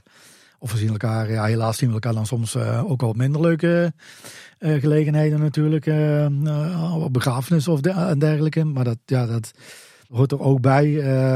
Bart Jutte was natuurlijk mijn ja, zeg maar hoofd technische diensten. Waarvan ik een beetje te danken heb dat ik chef technische dienst ben geworden destijds. Ja, en Leo Pullus, ja, die ook al helaas uh, veel te vroeg overleden is. Dat was zelfs in, in, in Drunen mijn buurman. Oh, dus uh, Leo heeft toen destijds naast mijn ouderlijke huis een, een, zelf een woning, woning gebouwd. Ja, en die zat, had ook het kantoor naast mij. Dus daar had ik ook heel veel contact mee. Natuurlijk, ja, alle andere mensen natuurlijk ook. Ik bedoel, ik heb niet echt gezegd, mensen, collega's hadden gezegd van dat, dat, daar kan ik echt niet mee door, door in deur zelfs monteurs uh, en dergelijke. Ik had een goede, goede band mee gehad. En ook heel, ja, ook natuurlijk afscheid moeten nemen van monteurs die gewoon in, uh, in de fut gingen of stopten met werken. Het, uh, monteurs aangenomen. dus ik heb zelf helaas geen gebruik kunnen maken van een futregeling. maar ja, mijn, ja, dat is Mari en, en Lex. Ja, dat zijn toch, ja, ik ben nu 64. Dan zou ik ongeveer dus al een jaar of vijf, zes uh, in de fit kunnen zitten. Ja. Hè? En nu moeten we nog gewoon door tot de 67 als we dat willen. Ja, maar volgens mij als ik jouw cv zo bekijk, dan, uh, dan heb je wat dat betreft niet te klagen over leuke jobs in de, de leisure sector. Want uh, jij ging eind 95 dus weg bij de Efteling. Maar je bleef eigenlijk wel hangen in het, de wereld van de pret- en de themaparken. Ja, ik had... ik, ik kwam toen weer met een advertentie langs. Ik heb het echt niet meer waar ik die zien. Ik heb, ik heb die advertentie nog wel voor een uh, operationeel directeur voor, uh, voor Warner Brothers in Duitsland. Ik denk, nou ja, weet je, eh, ik, ik, wil toch weg bij de Efteling. Dus als ik in de branche kan blijven, dan, dan blijf ik daarin. Ik had ondertussen best wel wel bij andere bedrijven gesolliciteerd. Ik heb zelfs bij Vekoma gesolliciteerd als projectmanager. Dat is toen ook niet geworden. Ja, goed, dat kan. Maar ja, als je 12,5 jaar ergens gewerkt hebt in een bepaalde bedrijfstak, kun je wel teruggaan in de industrie. Dat kan als onderhoudsmanager perfect. Ja, die specifieke kennis, als je die kan gebruiken, ja, dan, eh, dan is dat meegenomen. Dus ik ben toen uh, als operationeel directeur bij Warner Brothers Movie World in Duitsland begonnen. En dat was in november 95. En dat park was toen nog in aanbouw. Warner Brothers is natuurlijk een uh, Amerikaanse filmmaatschappij. Uh, die had al een park in, uh, in, in uh, Surfers, Gold Coast, Surfers Paradise. bij Brisbane in Australië. De operations was natuurlijk wel een andere tak van sport. Natuurlijk wist ik wel wat van operations, maar niet. Ik had zelf nog nooit operations gemanaged. Ik ben daar in november begonnen. Ik ben toen zelf eerst in Duitsland gaan wonen. In een, ik had het geluk dat ik in het dorpje voor Warner in, in Veldhuizen, een heel klein dorpje, een, een, een, een bovenverdieping kon huren. Uh, dus ik zat eigenlijk op fietsafstand, loopafstand van het, uh, van het park. En ik heb daar gewoon ja, heel veel uren gemaakt in de beginfase. En de hele operationele afdeling moeten opzetten. Dus uh, met kerst 95, toen zei Joe Mack, dat was een Amerikaanse directeur. Die kwam van uh, Farm af. dus er waren veel Amerikanen daar. En de anderen waren Duits. En ik was Nederlanders, moest zowel heel veel Engels praten als heel veel Duits. Dat was ook wel een dingetje in het begin natuurlijk. maar goed, eh, ik ben toen in de eh, tweede kerstdag vertrokken naar Australië met mijn vrouw. Uh, om, heb twaalf dagen in Australië doorgebracht, waarvan tien in, uh, in het park in, uh, in Warner. Australië. was heel frappant, want daar werd de, de, op dat moment de tweede SLC van Vekoma in gebruik genomen. Dus wat de Condor in, in, de eerste was in Walibi in 1994, die, die daar gebouwd is. Dus die hebben toen ook nog uh, kunnen, kunnen rijden. En ik heb daar toen alle attracties moeten bekijken en hoe operations werkten. Kassa's, uh, enzovoorts, enzovoorts. Ik heb heel veel videoopnames gemaakt. Dat allemaal mee teruggenomen. Met een hele rapportage. Eh, dat kon, kon overbrengen. En ook die Australiërs, die, die zijn daarna ook komen helpen. Want natuurlijk, in, in Australië is met kerst zomer een hoogseizoen. Maar in in, de, in de zomerperiode is het daar laagseizoen en winter. En dan zijn die parken allemaal wat, wat minder. En uh, er zijn toen een hele hoop mensen uit Australië. Jeff Hughes was de, de, beetje de manager van operations, is toen over, overgekomen. Ja, en ik was een beetje ook ja, heel veel ondersteunen naar, uh, naar, het, naar, het, naar het general management toe. Uh, Bij Warner Brothers uh, was was zeker geen gemakkelijke periode om, om die hele operationsafdeling op te bouwen. Alle mensen aan te nemen, de mensen allemaal te trainen voor de attracties. Waren best wel complexe attracties bij. de Batman cave, zeg maar, met, met acht simulatoren erin. Met een hoop hydrauliek. En met een met voorshow. Het aparte was van, van, van dat park natuurlijk is dat je heel veel pre-shows had. We dan een spiel, hè, dus de, bibliotheek met, met Batman. Uh, wat dan verhaal zijn, ze gingen door een geheime deur, kwam in de grot. Uh, was allemaal, ja, het was niet zomaar even een recht toe recht aan attractie.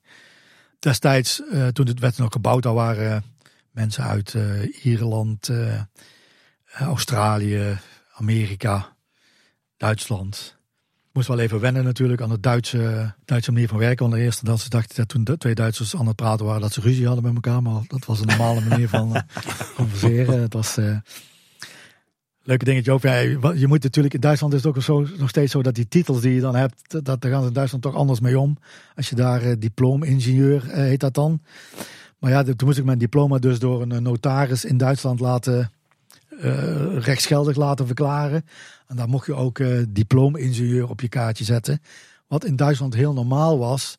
En dan wist de tegenpartij of leverancier ook: hé, hey, luister, ik heb hier te maken met een, uh, met een ingenieur, met, een, met, met iemand met een, een bepaalde titel of, of opleiding. in Nederland is dat al lang niet meer. En in de attractieparkenwereld is dat ook niet zo het geval. Maar bijvoorbeeld Europa Park zie je dat nog wel. En in Duitse bedrijven. Ja, en, en, en je natuurlijk uh, omgaan met, met de general manager, maar ook met het hele project wat nog in, in aanbouw was. Met, met parkeerterreinen. Ja, er zat zoveel druk ook op het project om dat, om dat te openen. De opening was ook een heel, uh, hele aparte aangelegenheid. Want ja, daar moesten allemaal celebrities, hè, dus uh, bekendheden komen. Mm -hmm. Om dat mee te openen. Er werd ook een dag van tevoren, op, op zaterdag, was de opening voor genoten. En, en de dag daarna voor het, voor het gewone publiek het park was ook nog niet klaar. We hadden niet alle attracties. Uh, een, een, tijdje voordat we open gingen, toen, toen was er, omdat er natuurlijk heel veel mensen uit het buitenland werkten, had de overheid daar ook wel een beetje neus van gekregen van, zijn dat allemaal wel legale werkers? Oeh, ja. Dus ze hebben op een gegeven moment ook heel de zaak op slot gegooid en uh, moest iedereen aantonen van, waar komt die vandaan en dergelijke. Vergeet ik ook nooit meer uh, dat ik samen met Joe Mack boven op het viaduct, spoorviaduct stond voor Warner Brothers. En dat die hele stoet daar aan kwam rijden. En hadden ze ook heel het zaak achteraf al, al, achterom al afgezet. En, en dat die, uh, ja, die politie, politieman uh, officieel dus dat, dat uh, document moest overhandigen in het Duits. En dan moest ik dan vertalen naar Joe Mac van ja, we gaan hier een controle houden, een grootscheepse controle. Op op arbeidsvergunningen en dergelijke. Nou, heel veel mensen waren daar gewoon niet die dag. Dus, uh, maar met 120 beambten kwamen ze daar even trainen op toen. Wij waren volop met trainingen bezig. Iedere keer die controleerd wat kreeg een polsbandje. Dus dat was een heel aparte, heel aparte situatie. Ik had toen ook nog de bedrijfsbeveiliging tijdens het project onder in mijn afdeling. met mensen uit, ja, ex-legermensen. Ex, ex heel veel van, van hondenbegeleiders uit het Engelse, Engelse leger. Die, die in Duitsland waren blijven hangen. Die dus, dus daar zaken gingen, mee gingen bewaken. Dat er niks weggehaald werd. Dat alles veilig uh, verliep. Ja, de, de openingsweek was eigenlijk een beetje een tragische week voor mezelf inderdaad. Dat je dan toch twee, twee uh, dodelijke of nee, het waren geen ongevallen. Het was meer iets wat, wat, wat, wat gebeurd is dan. Een man die overlijdt achter het park op een, op een landweg. Een oudere man op een fiets. Die een stand kreeg waar je dan bij komt omdat of eerste hulp bijgeroepen wordt in, en die depot niet uit kon. En we hadden natuurlijk nog een ongeval met de parachutist bij de, bij de opening uh, destijds. Wat ook niet erg uh, leuk was. En ik zeg al, die opening, de eerste openingsdag van, van Warner Brothers. Daar ging om, uh, om één uur s middags ging alle stroom van het park af. dus toen hadden we heel, even helemaal geen stroom. Het komt doordat ze hadden daar een vermogensschakelaar. En die was ingesteld op een bepaald vermogen. En we hadden natuurlijk nooit alles aangehad. Ja, en toen ging die vermogensschakelaar, uh, Leistungsschalter zoals ze het in Duits noemen, die tripte. En daar zat er iemand bij van, uh, van RWE of van, van, de, van, van, de elektriciteitsmaatschappij. En die kon het wel snel verhelpen. Maar je moest wel alles opnieuw opstarten. En we hadden al zo weinig attracties uh, op die dag.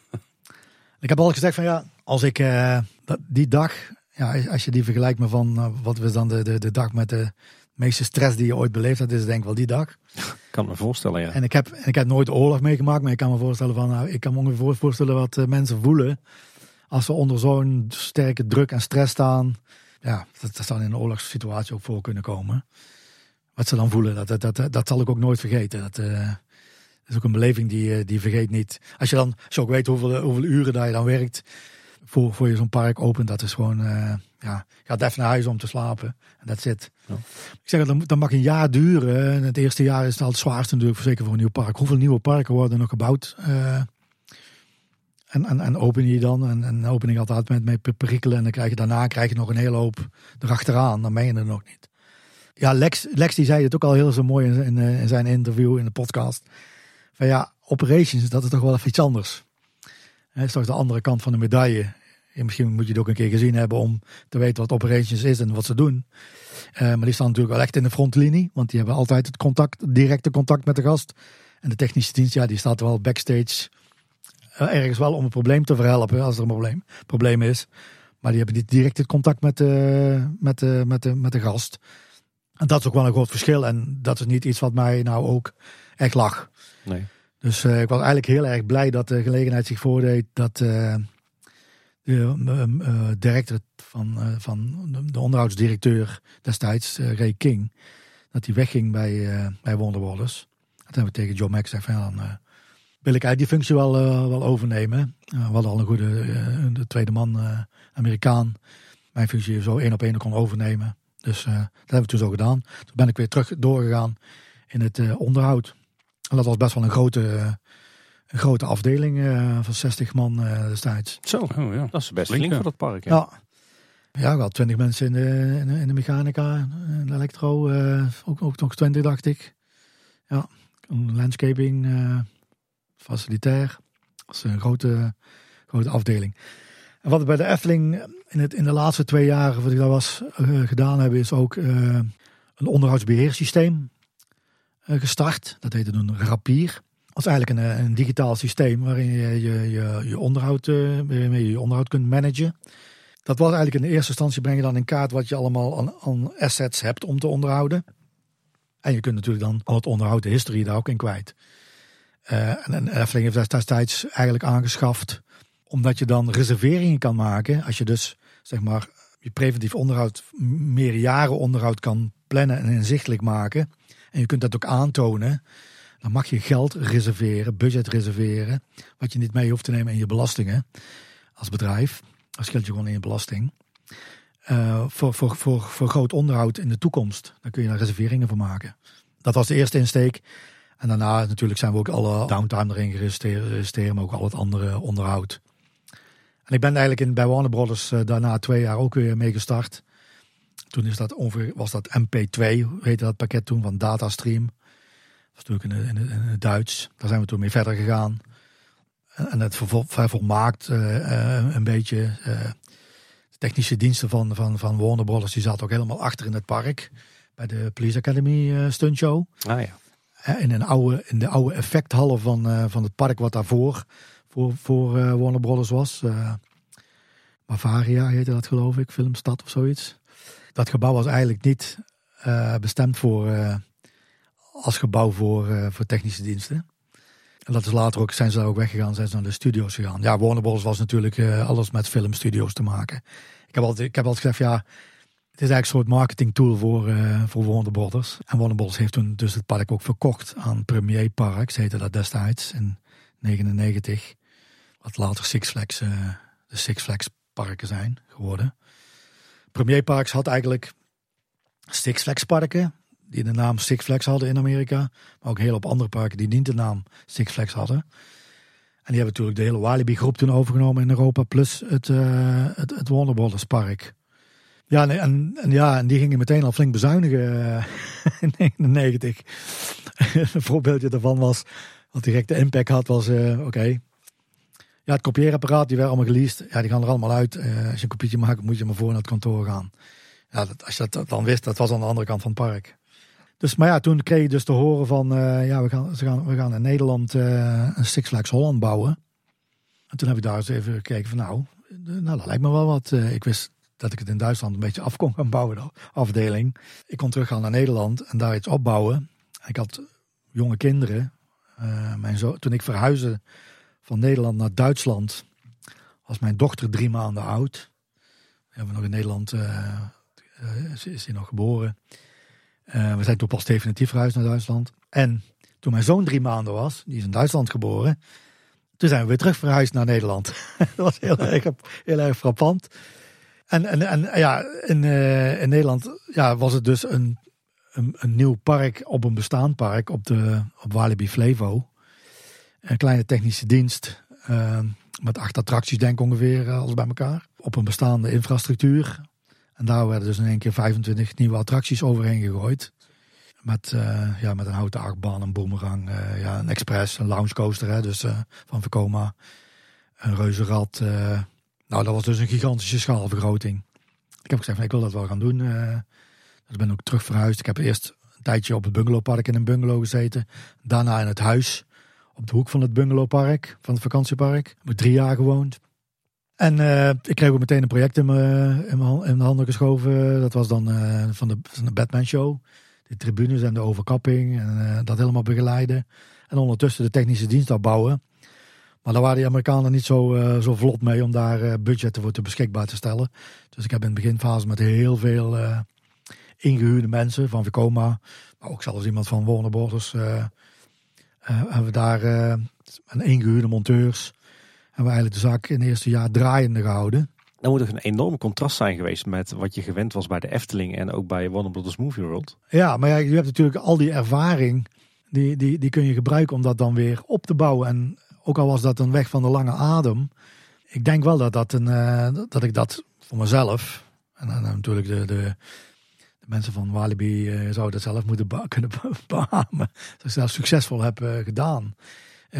Want ja, je, weet allemaal dat parken natuurlijk, als het over uh, back of house gaat of backstage uh, of uh, non-show capital, dat het iets is waar ze wel ze voorzichtig mee zijn. Ze geven het liever uit natuurlijk voor de gast, waar, waar, ze natuurlijk wel wat kunnen verdienen.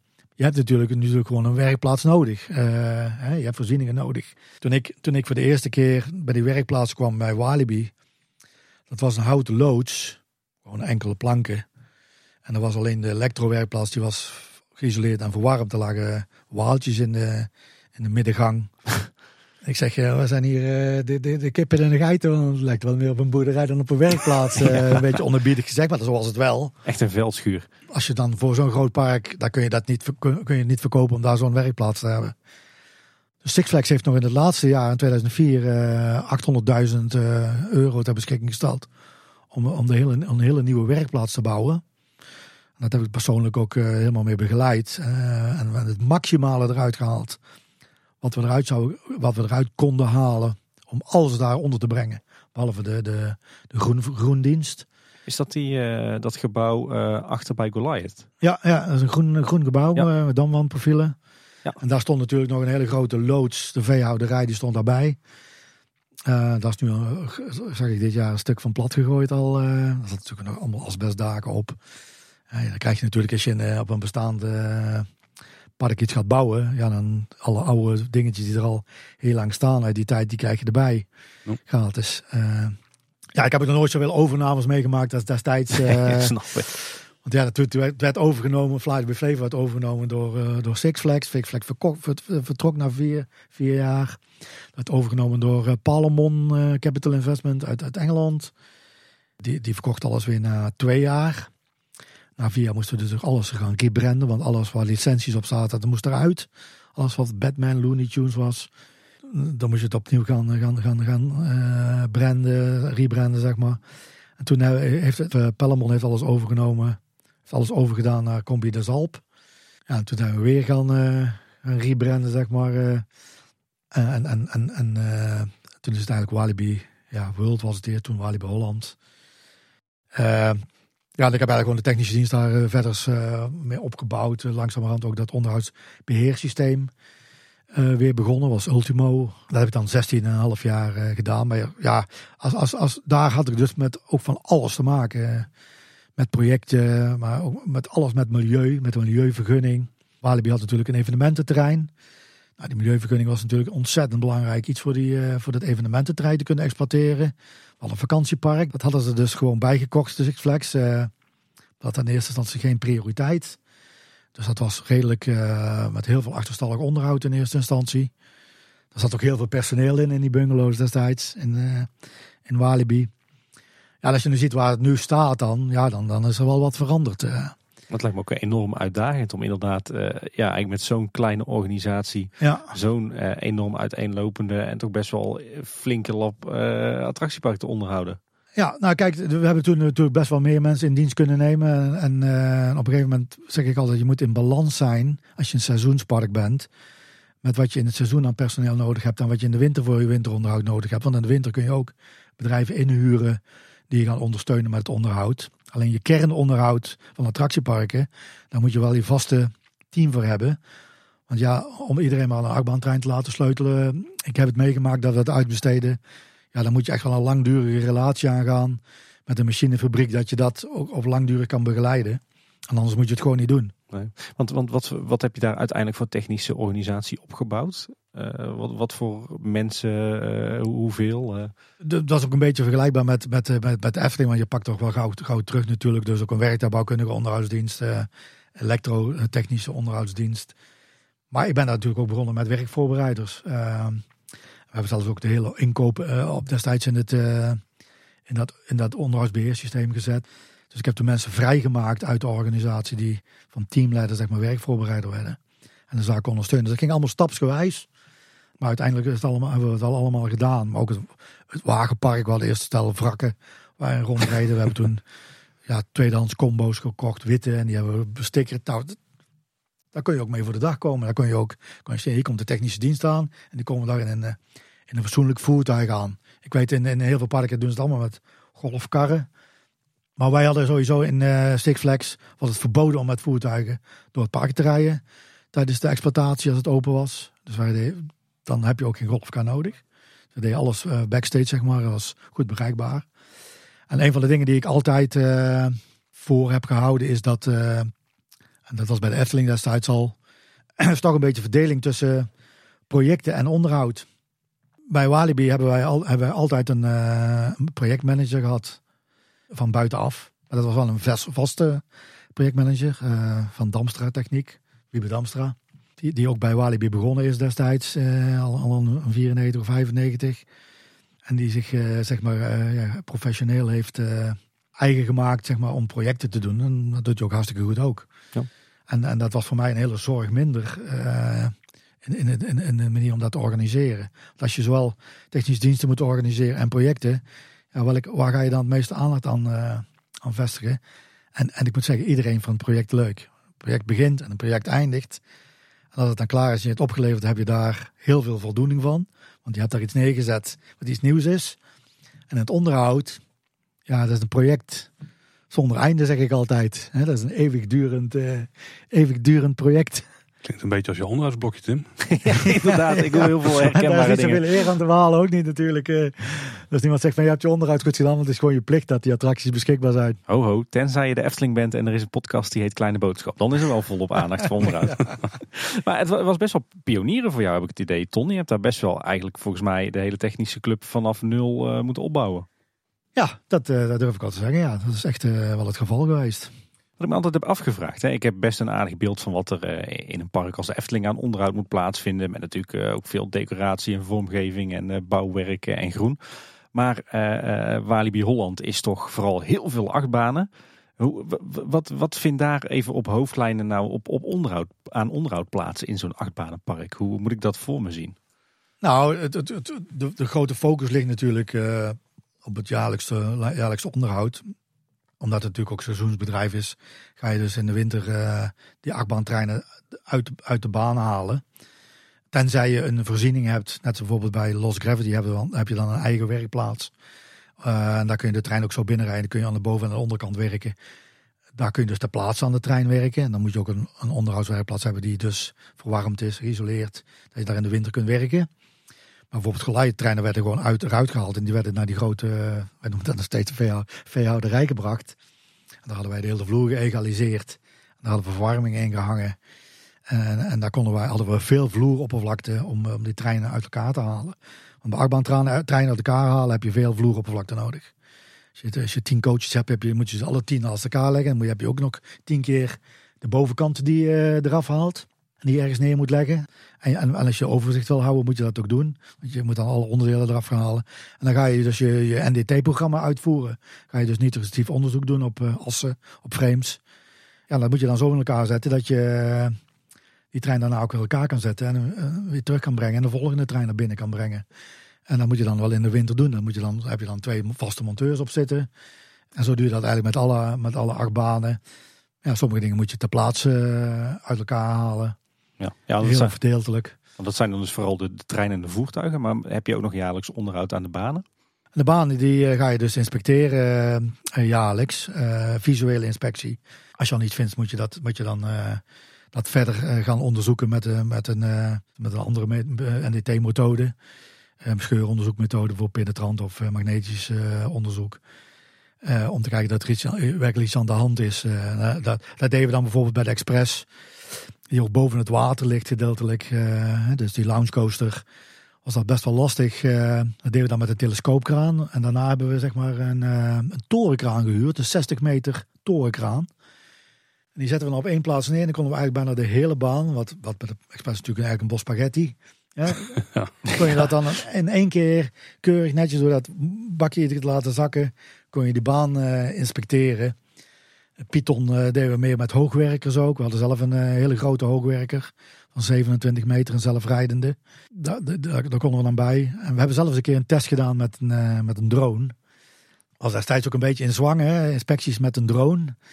en ik heb toen met NVDO en met een bedrijf, heet dat of zoiets heette dat geloof ik. Hebben we toen een keer een test gedaan. Een aantal mensen uitgenodigd uit de industrie. Je zegt van nou oké, hoe kunnen wij een, uh, een achtbaan inspecteren met een drone? Dat is best nog wel lastig. Want een, een, je denkt dan oké, dan maak ik een videoopname, maar die resoluties zijn veel te laag. Dus je maakt dan eigenlijk foto's. Maar dat is bij de Goliath, wat een driehoek trek is. Ja, moet je dat eigenlijk dan van drie kanten doen. Hè? De zijkant en van de bovenkant wil je iets zien. En dan heb je een hoge resolutie foto's, die moet je dan eigenlijk allemaal analyseren.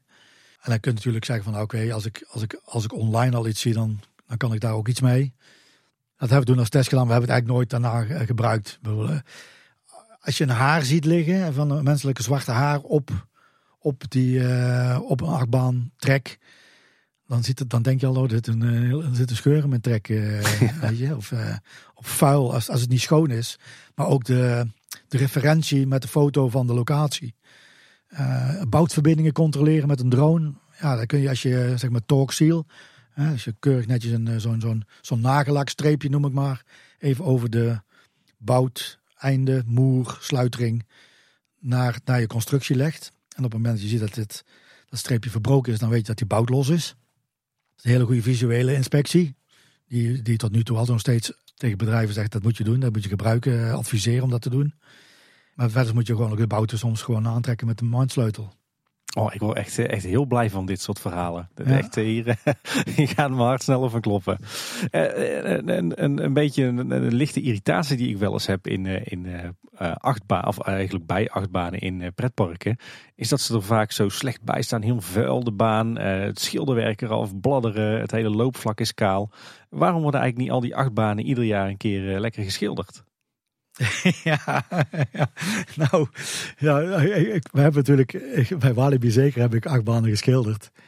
Ten eerste, dan moet je die achtbanen altijd schilderen in de winter. Dat is sowieso wel een uitdaging. En daarna moet je ze eerst helemaal schoonmaken met een hoge drukreiniger. Want het ding moet vetvrij zijn. Ja, om dan, dan zeg maar schuren, dat is al eigenlijk uit de boze. Dat, uh, dat doe je al niet. Nou, dan ga je dus inderdaad die achtbaan met een roller of met een spuit, uh, ga je daarmee aan de gang. En dan moet je eh, eigenlijk de loopvlakken waar de wielen rijden, die moet je al met tape afplakken. Want wij, iedereen weet dat, uh, ja, zeker als, je, als de verf nog niet helemaal echt uitgehard is en je gaat erop rijden, die, die verf die, die, die, die verpulvert, die, dat wordt bolletjes. Die bolletjes die komen op je wielen zitten eh, of in je wielen zitten. Dat geeft dan vibratie, dat is echt heel erg onaangenaam. Dus wij zeiden al, je moet dat afplakken van tevoren, dan spuiten. Maar als je weet hoeveel klus, wat voor klus dat het is en wat het, wat het kost om een achtbaan te spuiten, te verven, zeg maar. De kolommen, de kolom is nog het makkelijkste eigenlijk, maar de trek zelf. We hebben het wel gedaan. Ik heb de Condor, geschilderd, de, de Goliath. Uh, wat kost dat? Geef ons eens een ik idee. Heb, ik heb geen idee meer wat dat kost, maar dat is meer een ton in ieder geval. Flink schilderklusje, ja. Ja, dat is. Dat is uh, en natuurlijk, je hebt gelijk, als het, dat, als ziet er op een gegeven moment niet meer uit. Ik ben wel eens in parken geweest en dan zag je nog. Uh, dan hadden ze dus jaarlijks onderhoud gedaan. En dan zag je nog de witte, de witte verf zitten van de spuiten. Als je magnetisch onderzoek doet, dan moet je dus spuit je witte verf erop. Of, uh, of met penetrant. En dan uh, breng je een, uh, een penetrantvloeistof aan. En die trekt dan in die kleine scheurtjes. En die tekent dan rood op. En als je het met een yoke doet, zeg maar met magnetisme. Dan doe je dat met die spuitbus, met die, magneet, met die ijzerdeeltjes erin. En, en, en dan, dan, zie je nog dat ze dat dan niet overgeschilderd hebben. zie je nog steeds die witte, die witte vlekken overal zitten. Dan weet je in ieder geval dat ze NDT gedaan hebben. Dat is al een, een geruststelling. Maar het ziet natuurlijk niet uit. Ja, corrosie is natuurlijk is iets wat ik de afgelopen jaren uh, nogal eens tegen aangelopen ben. Uh, ja, corrosie moet je gewoon meteen aanpakken. Als je dat laat, laat, laat lopen, ja, in het slechtste geval moet je gewoon een heel stuk staal gaan vervangen. En daar zit je. Het is niet zo dat een achtbaan, achtbaan uh, van een beetje corrosie in elkaar stort hoor, echt niet. ik heb eigenlijk zelden dingen gezien aan achtbaan tre tracks waar iets mee fout ging. Tenzij, tenzij natuurlijk in de beginfase van de achtbaan de, de, de, de, de manier waarop de achtbanen geproduceerd werden in delen. Soms werden delen wel samengebouwd, maar nooit het geheel samengebouwd.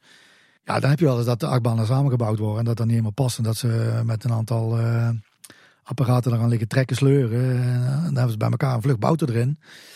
En dan ziet niemand het, maar dan heb je natuurlijk al heel veel spanning in die baan zitten. En als je dan overheen gaat rijden met een trein, dan krijg je nog eens een dynamische belasting eroverheen. Ja, en dan, dan is gewoon dat bouten soms afbreken. Ik zeg altijd, als je je achtbaantrein, als je daar allemaal wieltje, streepjes over de wielen ziet, op die Volcalon, die bekleding, dan ga maar ergens in je baan kijken, want dan is er ergens een offset in je, in je trek. Want ja, dan is, dan is er een bout geknapt of zo. Uh. Maar dan nog valt die baan niet uit elkaar. Ik heb met banen eigenlijk nog nooit niks meegemaakt. Of je moet echt, echt heel slecht onderhoud gaan plegen. Ik hoor het, wij hebben hier echt een uh, achtbaan onderhoudsexpert aan tafel. Ja. Ja. Nou ja, uh, ik heb natuurlijk het een en het ander uh, gedaan aan achtbanen. En dan hebben we het nog niet over de houten achtbanen gehad. Dat, dat is een aparte, aparte, aparte materie. Doe je dan de Robin Hood of de Bandit? ja, beide. Ja, de, de, de Bandit, dat was de eerste houten achtbaan in Duitsland. Uh, Duitsers is natuurlijk altijd van, ja, we hebben alles is een standaard. De Duitse industrienorm, DIN. Houten, houten constructies in de vorm van een achtbaan. Daar gaan wij geen norm voor. Dus de Duitse, de, de, de TÜV, TÜV Zuid in München. Ja, die, die, die ging dus alle eisen stellen van... Uh, ja, hoe, moet dat dan met zo'n houten achtbaan? Uh, hoe, hoe, is dat sterk genoeg? hoe zijn die verbindingen? en die Amerikaanse achtbaanbouwers, die, ja, die bouwden die dingen gewoon in Amerika op. En dan werden natuurlijk... ja, die, die achtbaantrek die bestaat uit planken. En die planken die hebben, zit, zit, daar worden spijkers in geschoten. En dat gaat volgens een bepaald patroon. En ik geloof dat er in Duitsland twee keer zoveel of drie keer zoveel spijkers in moesten. Het ging het al een beetje op een stalen achtbaan lijken natuurlijk. Ja. Zoveel spijkers zaten erin. Maar bij die achtbaan, de Bandit, wat daar in de beginfase ook gebeurde. Toen hebben we geloof ik wel alle goeroes van uh, op de wereld voor, voor achtbanen, houten achtbanen wel aan de tafel gehad denk ik. Ook vanuit Amerika die, die, die achtbaan trekt, die heeft een bepaalde ondersteuning op een bepaalde afstand. En je hebt een bepaalde radstand van je, van je wielen, van je, van, je, van je trein. En die, die radstand van die wielen, die zat, die zat allemaal op gelijke afstand. En als je dan door de eerste drop naar beneden ging, uh, was het zo dat, dat eigenlijk de, de, het eerste wielstel drukte de trek omlaag. En, en dat wilde dan, uh, dat sprong dan omhoog op het moment dat het volgende wielstel erop kwam. Dat was een heel raar frequentieverschijnsel wat we daar, wat we daar hadden. Wat ook wel wat, wat, wat problemen veroorzaakte. Hebben we daar wel extra ondersteuningen tussen gezet op het diepste stuk. Maar ja, ik zeg al, houten achtbanen. Ik denk dat parken zich vergissen in wat dat aan onderhoud kost. Echt, uh, bij, Walibi gaven we daar gewoon. Dat zijn, het meeste is gewoon manuren. Geef je daar gewoon een ton aan, uh, aan, aan, aan budget per jaar uit. Om stukken trek te vernieuwen. Dat is gewoon heel, hele dure, hele dure banen om te onderhouden. En ja, nu hebben ze natuurlijk uh, Untamed. Met een stalen trek. Dus, uh, het is geen houten achtbaan meer nu hè? Nee, ja, de auto-ondersteuning hebben ze natuurlijk nog wel.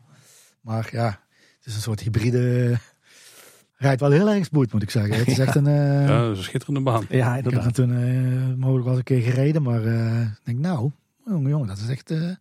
Ja, als je ons in de draak het ooit een keer opgeeft, dan zou ik het niet erg vinden als er zoiets voor in de plaats komt, hoor. Nee, dat, de Efteling moet een echte Woody houden, hoor. Eentje die lekker rammelt, gewoon een echte houten achtbaan. Ja. Dat kunnen ze nou ja, dat, dat zie je natuurlijk al een beetje van met, met die nieuwe achtbanen. Die bochten zijn om zo krap en die wielstellen, dat is eigenlijk net als een rups. Die, die draaien allemaal mee. Maar bij, bij een authentieke houten achtbaan, dat zijn gewoon vier vaste wielen. Dat zijn niet meedraaien, niet meesturende wielen. En die, die, en die worden door de guide wheels, worden die gewoon door de baan heen gedrukt. En dat was bij de Robin Hood dus het, het geval.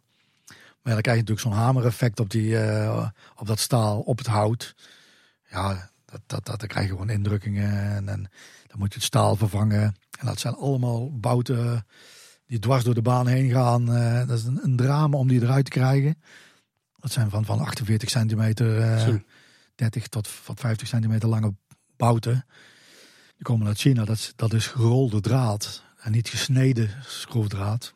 Ik weet niet of het verschil wil weten. na, de, na de aflevering. maar ja, gerolde draad, die, die, ja, die wordt erop gerold, zeg maar, door, door uh, wordt er eigenlijk ingedrukt. En de andere wordt erin gesneden. En die ligt ook eigenlijk die, die, diameter van die draad is groter dan de steel. Als je die er dan eruit wil trekken, dan krijg je die bijna niet uit het, door het hout heen getrokken.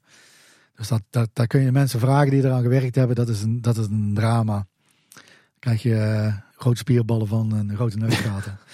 Volgens mij eh, was jij, als ik jou zo beluister, uh, Tom, was je echt, uh, voelde je je echt als een kind in de snoepwinkel in, uh, in Walibi als onderhoudsmanager. Maar toch ging jij een tijdje terug weer een andere uitdaging aan. Ja, dat klopt. Ik werkte natuurlijk al 16 uh, jaar bij Walibi. Dat is best wel lang. Ik heb al, iemand gehad die zei van... Uh, jongen, je moet echt na, echt na elke zeven jaar moet je van, uh, van, van baan veranderen. Als je dat hoort zal je misschien wel zeggen... Ja, ja, ja, ja dat is zo. Ja, op een gegeven moment wordt ook een beetje een, een, een, een sleur. En je hebt op een gegeven moment zoveel ervaring opgedaan in parken... waar natuurlijk deel van de Combi des Alpes, Franse organisatie... En dat is ook echt een Franse organisatie. Uh, en ik zeg, er is niks mis mee met die uh, met Comedy Zalp. Ik heb daar altijd uh, ook heel, heel leuk samengewerkt met, met alle technische diensten van alle andere parken. Maar ook met de corporate mensen. Maar ja, ik zag mezelf ook wel een klein beetje in een rol van, van, van corporate. om, om, om, om ervaring te delen en uit te dragen naar, naar andere parken. En in de Franse organisatie had ik daar gewoon, heb je daar gewoon geen schijn van kans. Dan moet je gewoon vloeiend Frans praten. Liefst nog in Frankrijk wonen. Ik heb natuurlijk, eh, om, om dat te kunnen verwezenlijken. Want ja, het is natuurlijk een, Fran Franse organisatie, zeggen ja, het is internationaal.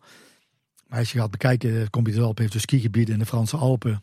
Die praten alleen maar Frans. dan ook nog eens een keer uh, uh, Frans van de Franse Alpen. wat nou een apart dialect is. En dan heb je natuurlijk de Franse parken. België is natuurlijk al half Frans. En dan heb je nog een parkje wat noordelijker ligt, dat is dan Walibi. Had je nog in Duitsland nog een parkje voor, Panoramapark hoorde er dan ook, Fort Fun hoorde er dan nog bij voor, voorheen. Die hebben ze ook allemaal van de hand gedaan. Dus het waren daarna eigenlijk alleen nog maar, uh, nog maar Franse parkjes dan nog in vergaderingen zat. En ze kregen een beetje in de gaten dat je iets of wat Frans had. Dan ging het vijf minuten in het Engels en dan de rest van de vergadering was in het Frans. Ik was in, in, een jaar eerder, in 15 denk ik al een keer benaderd, of een 14, door, uh, voor een functie van uh, technisch director voor een park in Engeland ja, om te zeggen, ik ga naar Engeland verhuizen, dat, zag ik op dat moment helemaal niet zo zitten. En dan ga ik van, van de functie naar dezelfde functie in een ander park. Dus dat vond, ik zelf ook niet uh, in toegevoegde waarde. En toen werd ik benaderd door, uh, door een headhunter uh, uit Londen. En die zegt, we zijn op zoek voor een corporate functie in, in, een nieuwe groep engineering van Merlin Entertainment. Is ingedoken van wat dat is en wat houdt dat in. En dat vond ik wel heel erg. Dat was eigenlijk iets wat ik ook al wilde bij die Franse organisatie, wat niet ging. Dus toen ben ik daar eens uh, ingedoken en heb ik daar gesprekken mee gehad in, in, in begin 16. En op 5 mei heb ik dan een, uh, dat vergeet ik nooit omdat het 5 mei was. En ben ik op en neer gevlogen naar, uh, naar Engeland. Heb ik een interview gehad. Ik moest ook wat een case voorbereiden van hoe zie je dat dan allemaal. dus had ik een PowerPoint. moest nog, moest nog haast maken. dat, dat ik het vliegtuig niet zou missen. Maar dat, dat, dat, dat had ik wel meteen een klik mee. daar ben ik toen ook 1 augustus 2016 begonnen.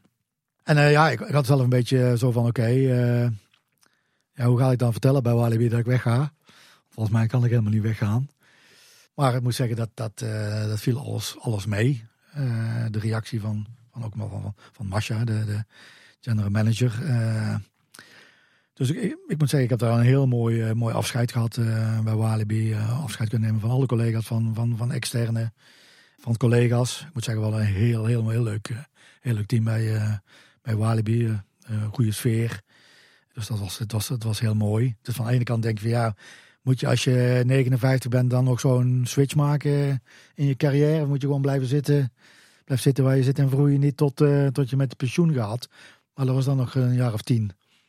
Dus dat is dan, uh, ja, is dan ook een keuze die je, die je maakt. En ik moet zeggen, ja, in het begin uh, was dat meteen uh, ja, in, in, in, een versnelling eigenlijk.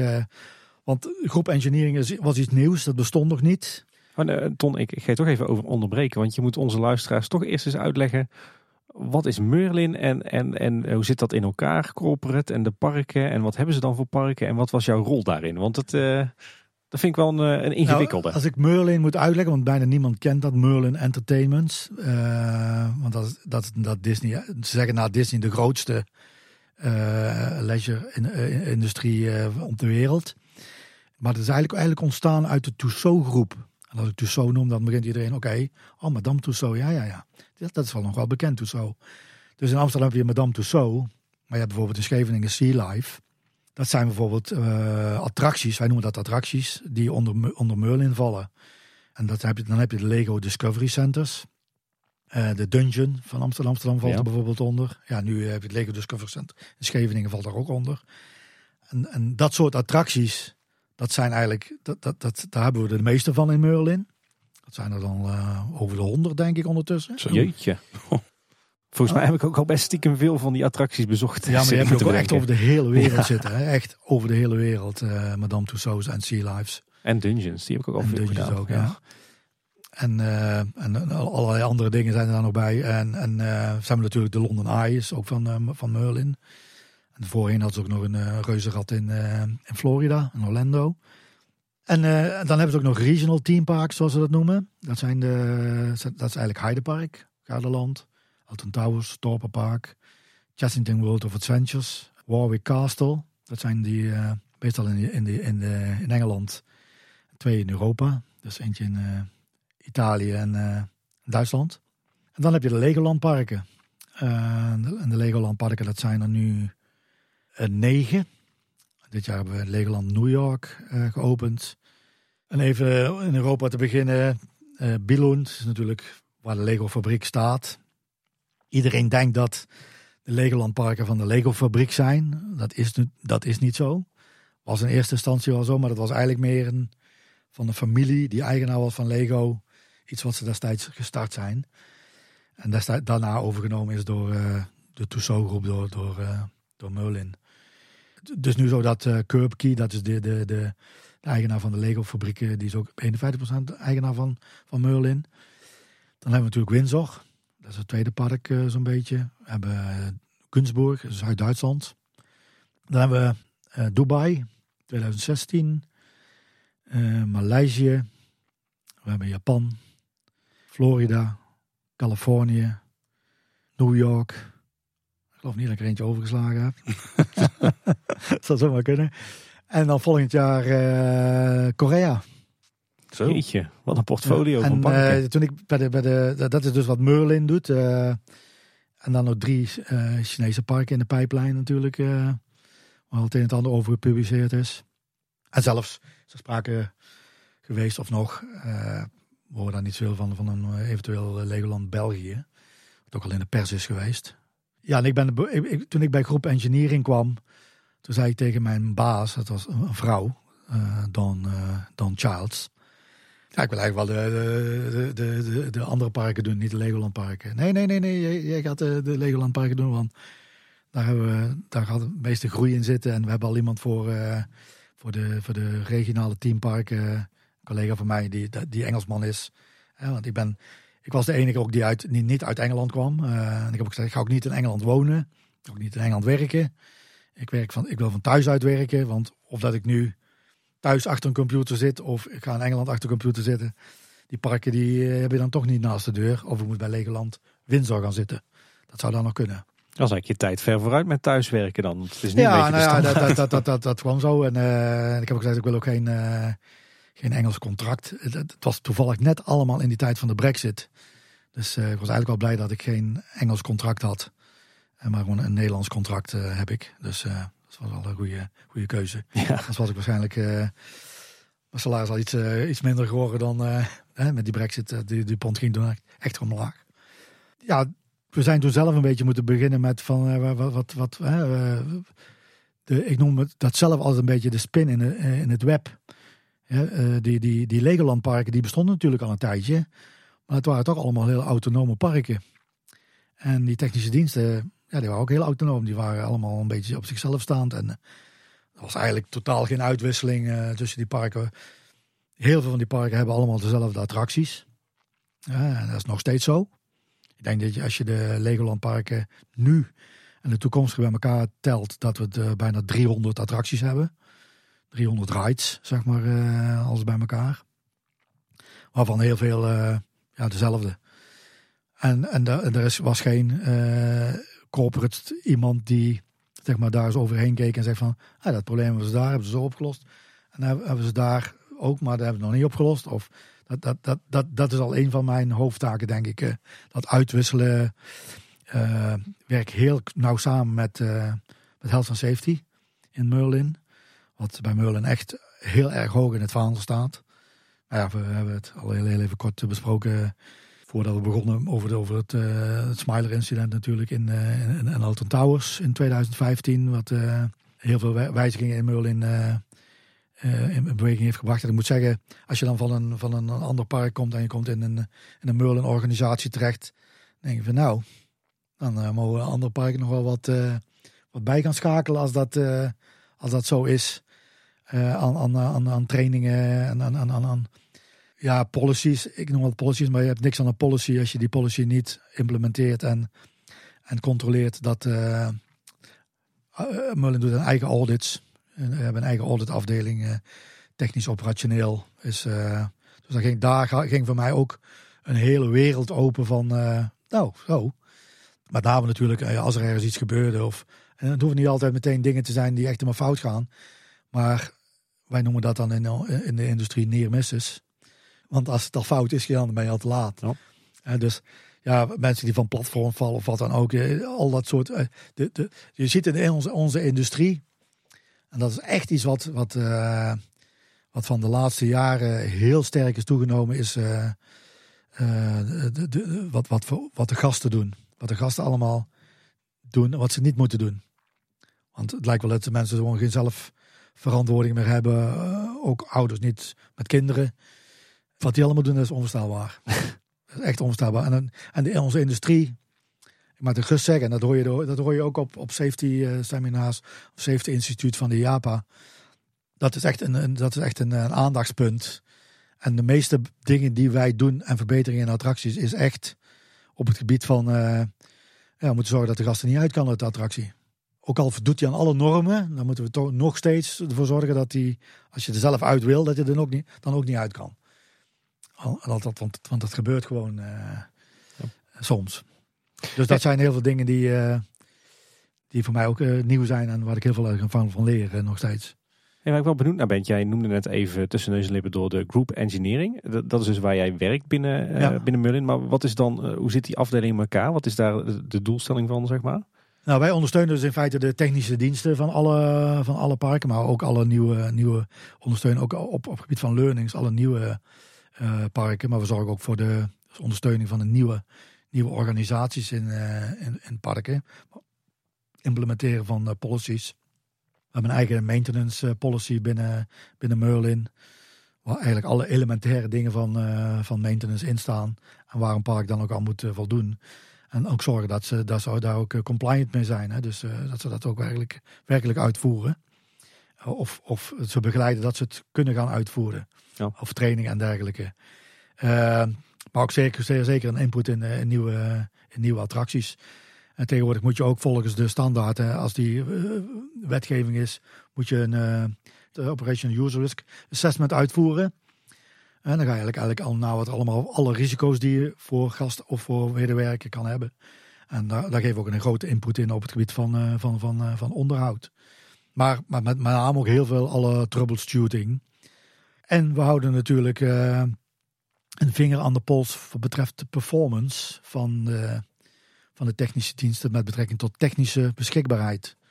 En ik doe, wij doen, ik doe dat dan eigenlijk ook voor alle Legoland-parken op het gebied van, van totale beschikbaarheid. Maar ja, operationele beschikbaarheid is niet mijn verantwoording. Als er geen operators zijn, kan ik dan niet, is dat niet mijn, mijn uh, dingetje. Maar wij houden dat wel bij.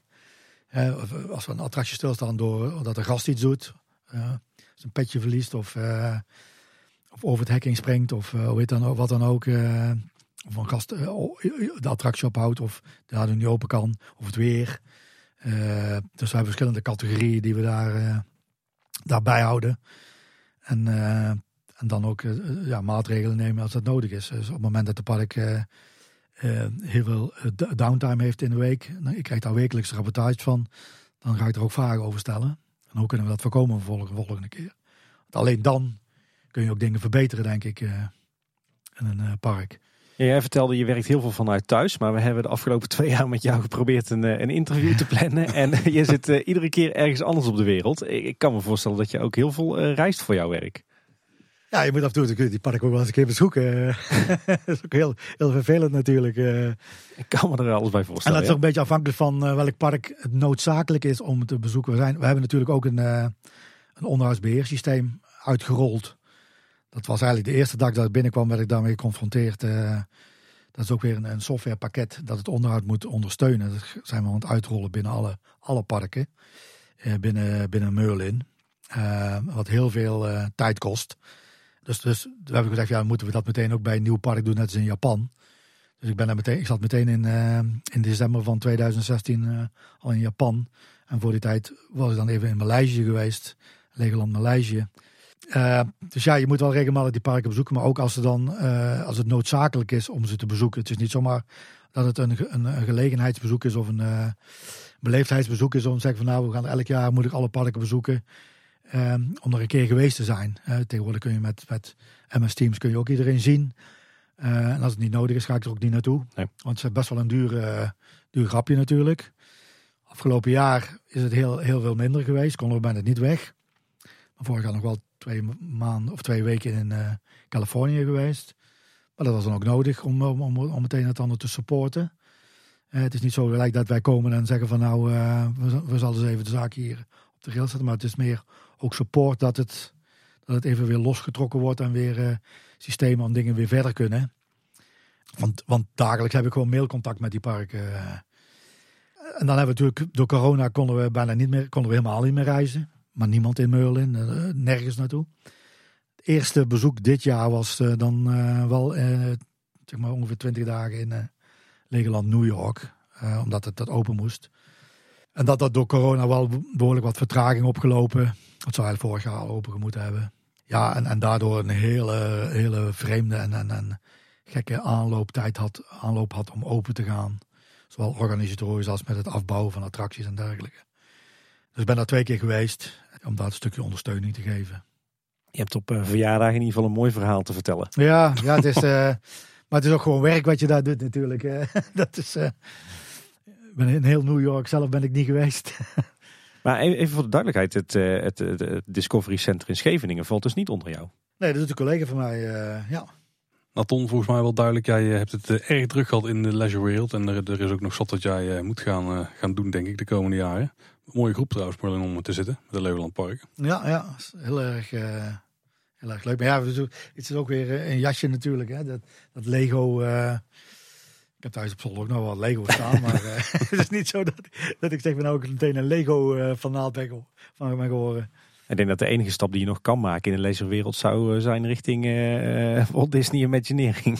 Ja, maar weet je, dat zijn, dat zijn op zich natuurlijk erg grote organisaties. En je moet al heel specifiek in een bepaalde rol daar zitten. Een bepaalde rol daar zitten. En ik, ik denk niet dat er op dit moment gezien mijn leeftijd nog uh, denk van nou, ik ga nog eens ergens uh, naartoe switchen. Het enige wat je zou kunnen doen is zeggen van nou oké, okay, uh, ik wil, ik, ja, ga je achter, als je 67 bent, achter de graaien zitten of ga je doen wat je zelf nog leuk vindt of ga je nog, nog een klein beetje kennis en ervaring inbrengen in de huidige industrie. Dat zou natuurlijk altijd kunnen op freelance basis. Ik wou net zeggen, jouw kennende op basis van dit interview heb ik niet de indruk dat jij na je 67ste achter de graniums gaat zitten. Nee, nou ja, dat zou kunnen inderdaad. hey Ton, om af te sluiten wil nog een paar uitsmijters erin gooien. Een paar vragen die we aan eh, alle gasten eigenlijk stellen die aan mogen schuiven bij ons. Eh, de eerste vraag is, die heb je al wel een beetje beantwoord, maar kom je nog wel eens in de Efteling? Ik kom eigenlijk niet zo heel veel uh, in de Efteling als, als bezoeker eigenlijk. Ik woon er eigenlijk een beetje te ver voor weg. Toen ik nog inderdaad bij Walibi werkte, dat ik bij de, in de Efteling kwam, was het inderdaad om dingen uit te wisselen. Kennis uit te wisselen of... of of hadden een bijeenkomst van, van de Club van Elf. Hè, toch een beetje een tijdje voorzitter geweest van de uh, groep techniek van, uh, van technische diensten van de Club van Elf. Uh, en, en dan kom, kom je inderdaad wel in, in die parken. Maar ja, het is inderdaad, to, toen wij voor New York, Legoland New York, met een nieuwe attractie bezig waren. Met, met, met zo'n systeem van, van ETF, hè, zoals in Symbolica. Ja, dan, eh, dan ga je wel naar de Efteling toe en zeg ik van oké, we kunnen eens even komen kijken. Hoe heb je dat allemaal gedaan? En hoe werkt dat hier? Hoe betrouwbaar is het allemaal? Weet je, en, en leerlingen weg te halen. ja, ja, en, en kennen ze jou dan nog wel? Oh, dat is Ton Merks die hier ooit in de ver verleden nog heeft gewerkt? Of? Mm, nou ja, er zijn natuurlijk bepaalde mensen die, uh, die, die, die, die, ik als contact heb. Uh, ja, Koen, Koen was natuurlijk, die kende ik natuurlijk, maar die is dus ook weg. Uh, die kennen iedereen. Ons ken ik nog wel. ja, Olaf Fuchs is, is, is dan nog wel die ik ken ja, een beetje ingangers Koos de Graaf, maar ook Frank Bers van eh, de veiligheidskundige van de Efteling. Uh, heb ik ook veel contact mee gehad, omdat je dus ook op de Safety, Safety Institute van de JAPA komt. elkaar ziet en uh, elkaar spreekt. Maar als bezoeker zijn nog wel eens een keer met Walibi met het managementteam geweest. Maar eigenlijk als bezoeker niet echt veel, nee. Dus ik moet steeds een keer naar Max en Moritz en uh, dat een keer te rijden. En, ja. Heb je nou uh, een, een, tip of een advies voor de Efteling voor de toekomst? Dat je zegt, uh, bijvoorbeeld vanuit jouw visie als ja, toch wel maintenance specialist of, of, of rastechneut. Dat je zegt, dat is echt, dat vind ik belangrijk voor de Efteling. Een belangrijke wijze raad voor de toekomst. Ja, wat is een wijze raad voor de toekomst? ik denk dat Efteling dat al, al, al gedaan heeft. Door bijvoorbeeld de Python te behouden. Maar je zegt, ja, dat is dus toch een zo'n iconische attractie. En die, en die willen wij behouden. Maar ik denk dat je op een gegeven moment ook moet kijken van, ja, zo'n zo'n zo'n uh, die gaat er dan wel uit. Dan vind ik dat ook wel, als je denkt van, nou, dit is, dat is niet meer een attractie die in ons park past.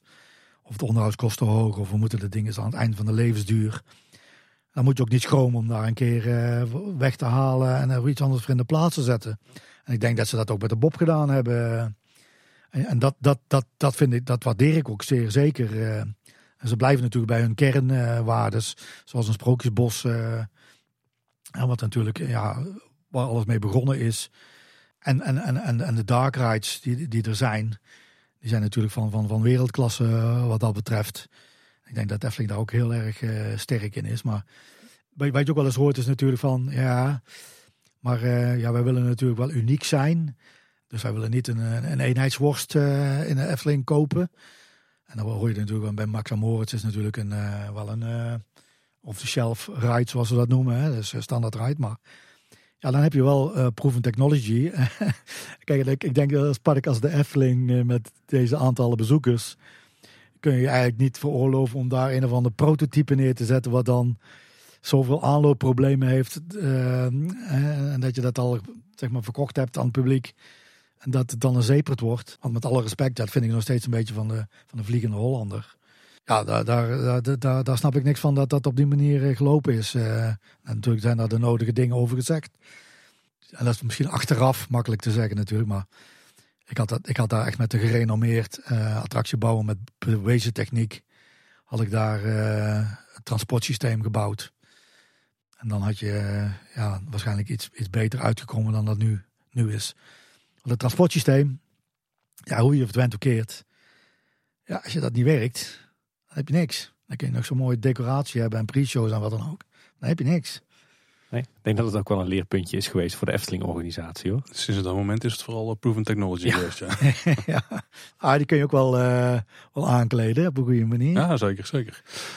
Hey Ton, wat is, jouw, eh, wat is wat jou betreft de mooiste plek in de Efteling? Ja, dat blijft toch het Sprookjesbos.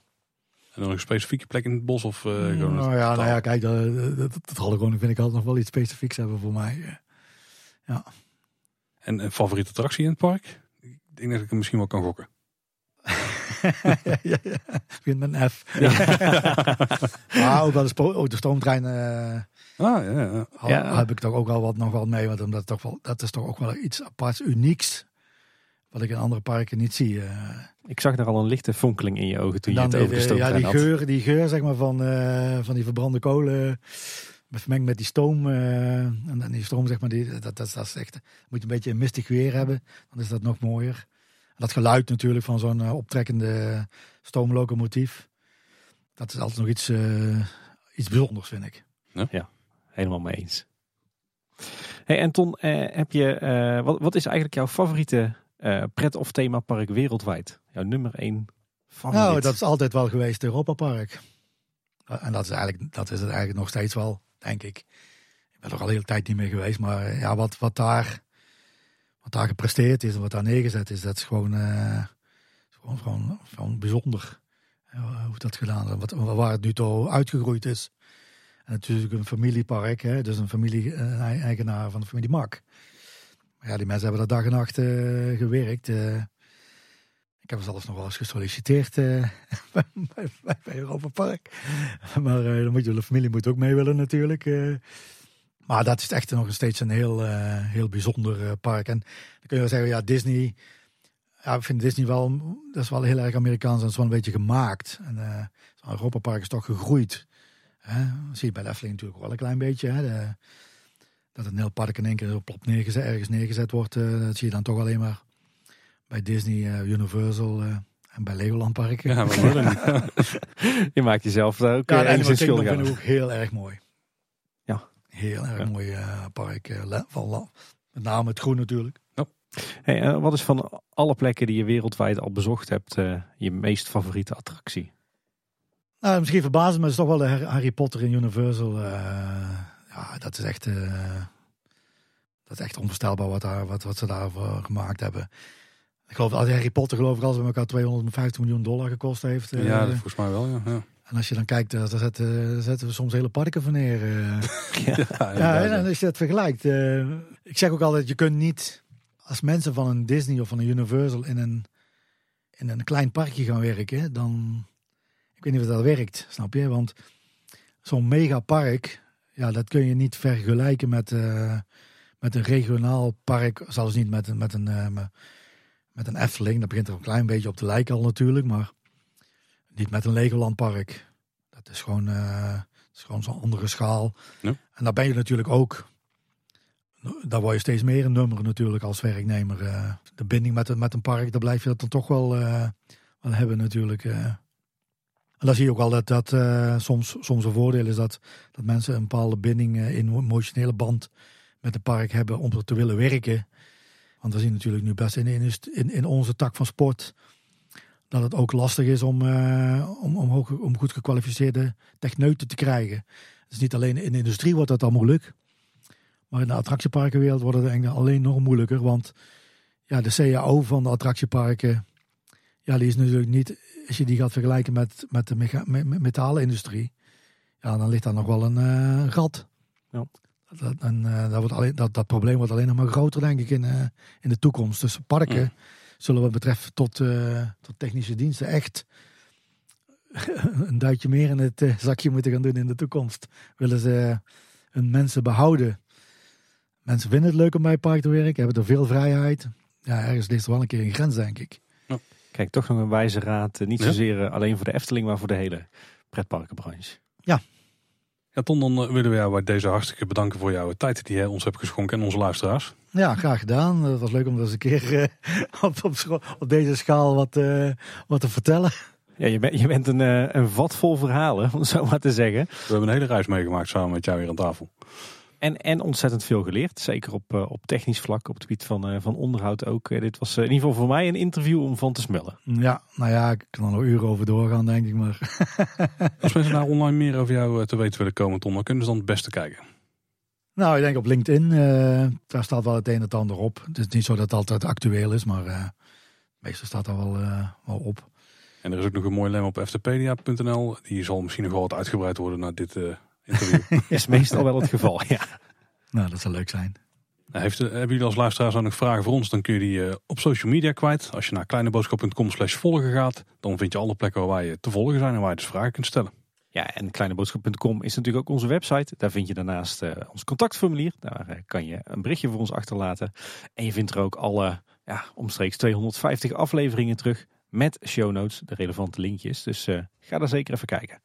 En als je ons in de podcast hebt, vergeet je dan zeker niet te abonneren. En kun je een reviewtje achterlaten, dan uh, kunnen we het ook altijd heel erg waarderen. Ja, en uh, mocht je een wat langer verhaal voor ons hebben, dan uh, kun je ons ook mailen op info.kleineboodschap.com. Nou, Tom, nogmaals bedankt. Ja, graag gedaan. En luisteraars, dit was weer voor deze keer. Bedankt voor het luisteren. Tot de volgende keer en houdoe. Houdoe waar. Houdoe.